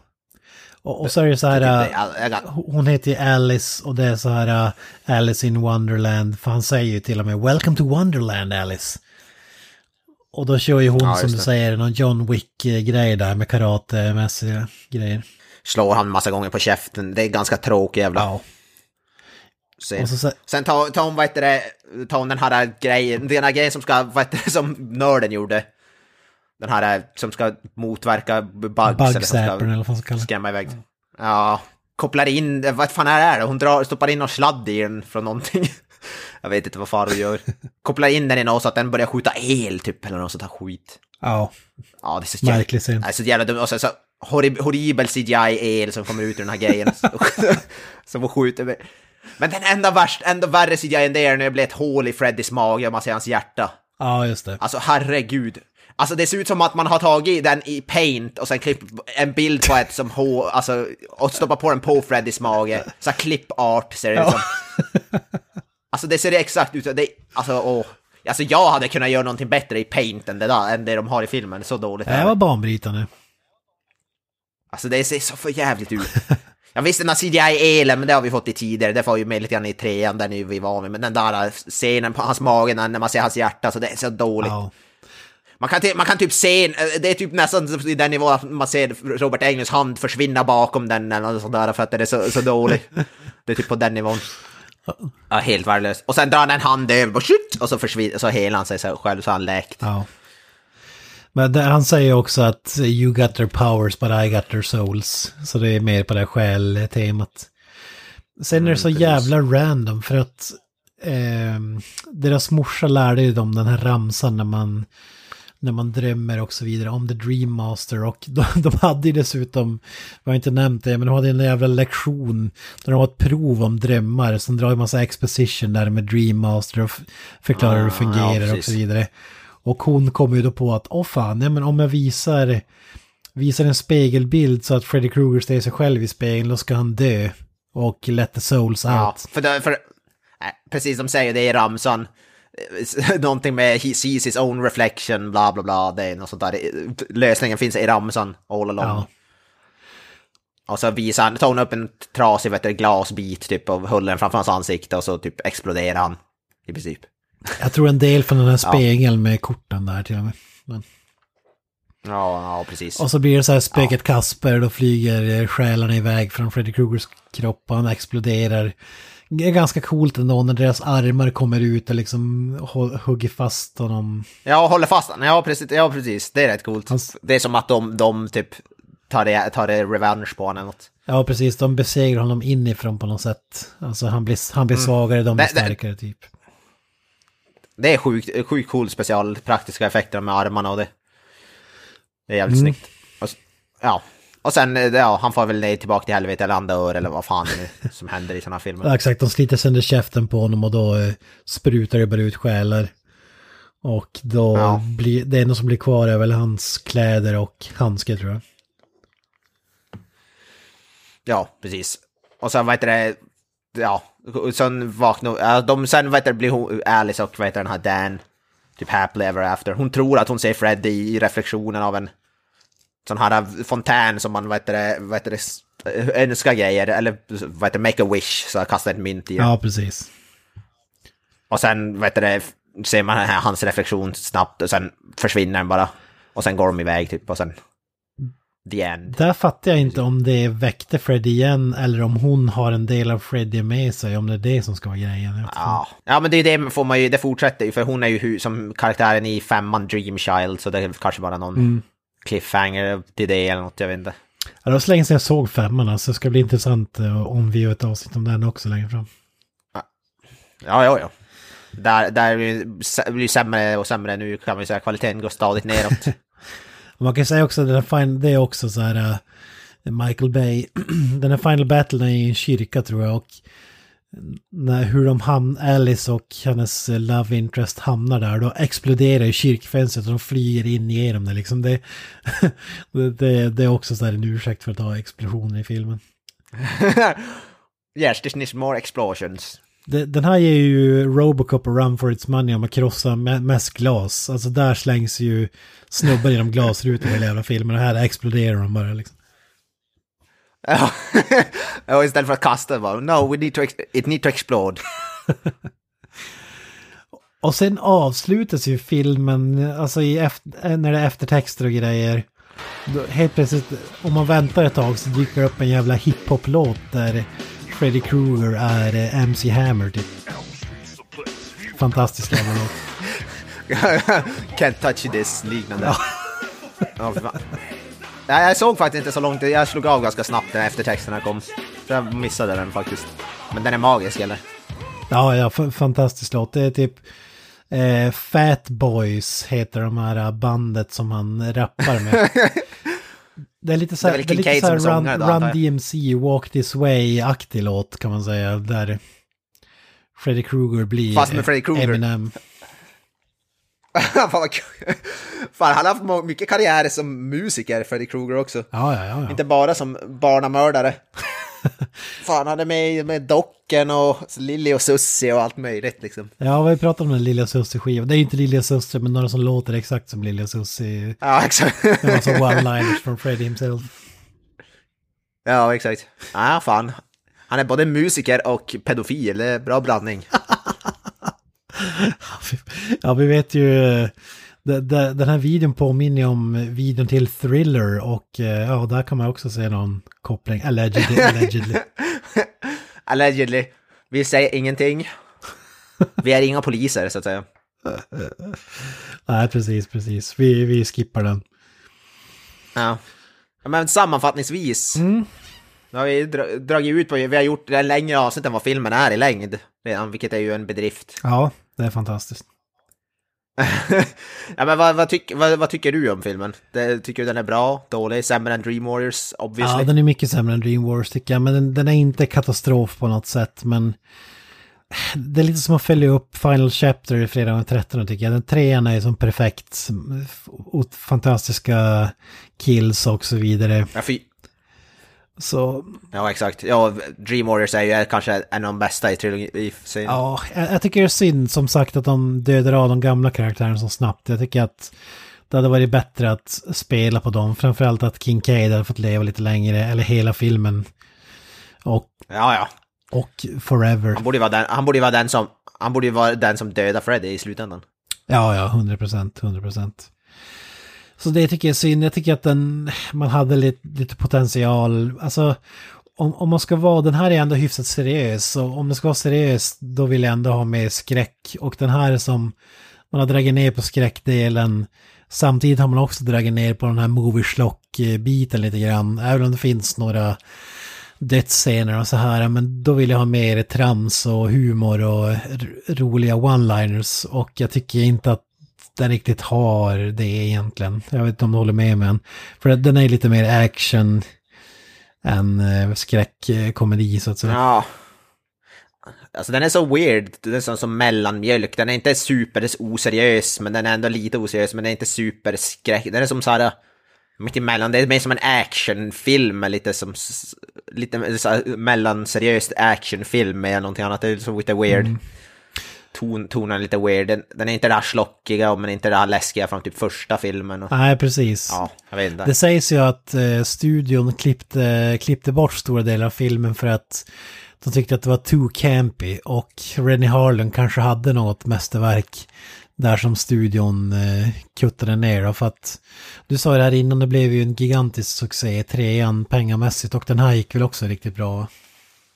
Ja, den hade som i budget, så nu tar jag Wikipedia så vi tar den med en nypa salt, men budget 6,5 miljoner dollar och den drog in nästan 50 miljoner. Ja. 49,4. Ja, Ja, jävlar. det är ju typ nästan 10 gånger sin budget, så den var ju super, alltså supersuccé. Ja. Och ja, vad heter det, justerat för inflation så är det väl no, säkert betydligt mycket mer. Avengers Kanske pengar. dubbla. typ. Ja, Ja, så det typ, alltså den är ju in sjukt jävla mycket.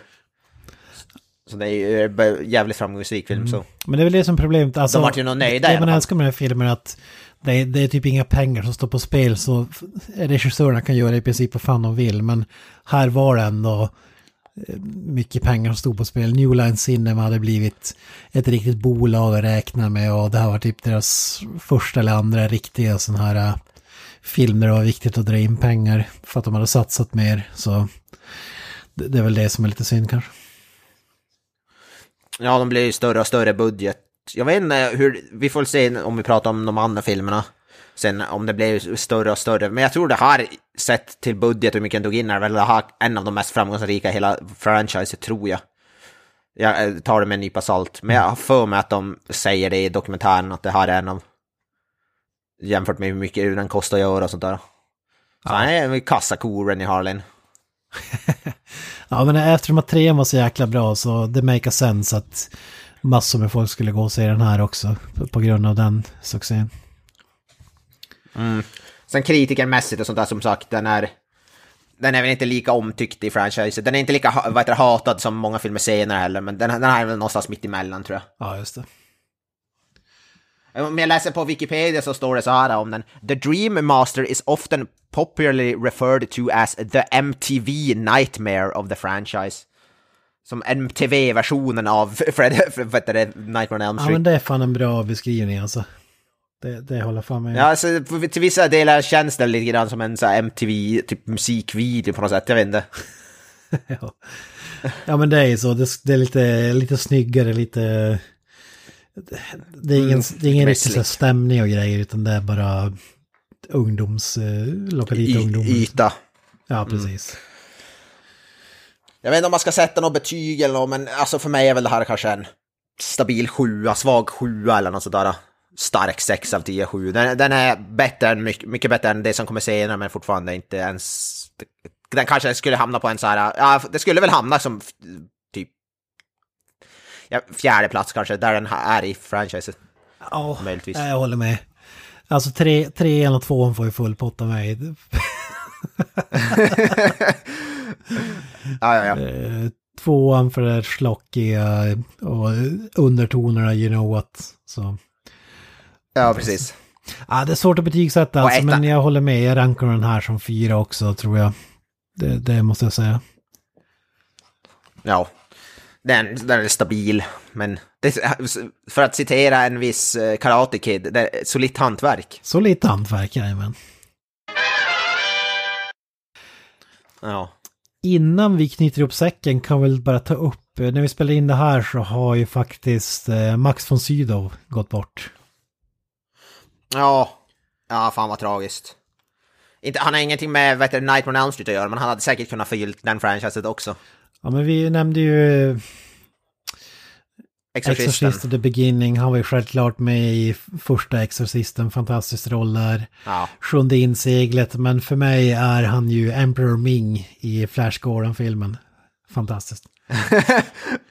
Han var även med i Game of Thrones och så vidare. Eh, han, han är, han är, alltså Exorcisten är ju typ en av tidernas bästa skräckfilmer. Alltså den, den är ju så jävla bra. Ja, Och ja, fantastisk skådespelare. Men- Han blev 90 år gammal så han, han dog ju inte för så här jätteung, men det är fortfarande tråkigt som fan. ja. Ja, det är coolt ändå att en svensk kan bli så pass, vad ska man säga, Ja, Han var ju nominerad för två Oscar, alltså att han kan bli så framgångsrik och ansedd liksom och, och varit med där han varit med om. Alltså, det är sjukt att skådespelaren från Sjunde inseglet levde till 2020, det tycker jag är galet alltså. ja. Men det, eh, han är ju för mig också den här scenen i Sjunde inseglare, jag är döden, kommer för att hämta mig. Det är den här klassiska, han spelar schack med döden. Jag har inte ens sett, jag har inte ens sett filmen, men ändå förknippar jag han jävligt starkt med just den scenen. Ja, ja verkligen. Ja men det är väl det mest ikoniska därifrån. Ja. Ja, det blir ett konstigt, det blir weird avsnitt att dedikera till Max von Sydow med Dreammaster och Rennie Harlin, men... you, you know. Det, det är ändå, måste jag, han tar det säkert som en komplimang ändå. Ja, ja, det, det tror jag. Som den Exorcisten och Rennie Harlin-fan han var. Allegedly. Ja, exakt. Vi är ju alla, vi är ju alla fan av Rennie Harlin, det är säkert Max, Max von Sydow också. Ja, ja precis. Så ja, vi säger RIP Max von Sydow. Vi kanske får köra något dedikerat, kanske får köra Exorcisten eller någon Flash Gordon eller någonting, något, något framtida Ja, avsnitt. Flash Gordon är ett måste. Fantastisk film. Ja. Ja, men RIP. Ja, men jag vet inte, ha, RIP RIP. Jag vet inte, hade du några avslutande ord som du ville tillägga? Ja, det var ju det här med Up the Irons då. Ja, jag säger väl då eh, peace out. Jag ska gå och käka lite soul food efter det här. Så ni har lyssnat på Creative Meltdown Podcast. Vi finns på sociala medier, Facebook, Instagram och så vidare. Vi har en hemsida, creativemeltdownpod.wordpress.com. Eh, ni kan gå in och tävla på våra sociala medier ibland. Vi tävlar ut lite filmer och sånt där. Det blir där lite omvänt. Vi brukar säga det där med Up the Iron så det är sist, men skitsamma. Eh, ja, vi hörs nästa vecka. Ha det gott och så vidare. Bye bye. That's it, man. Game over, man. It's game over.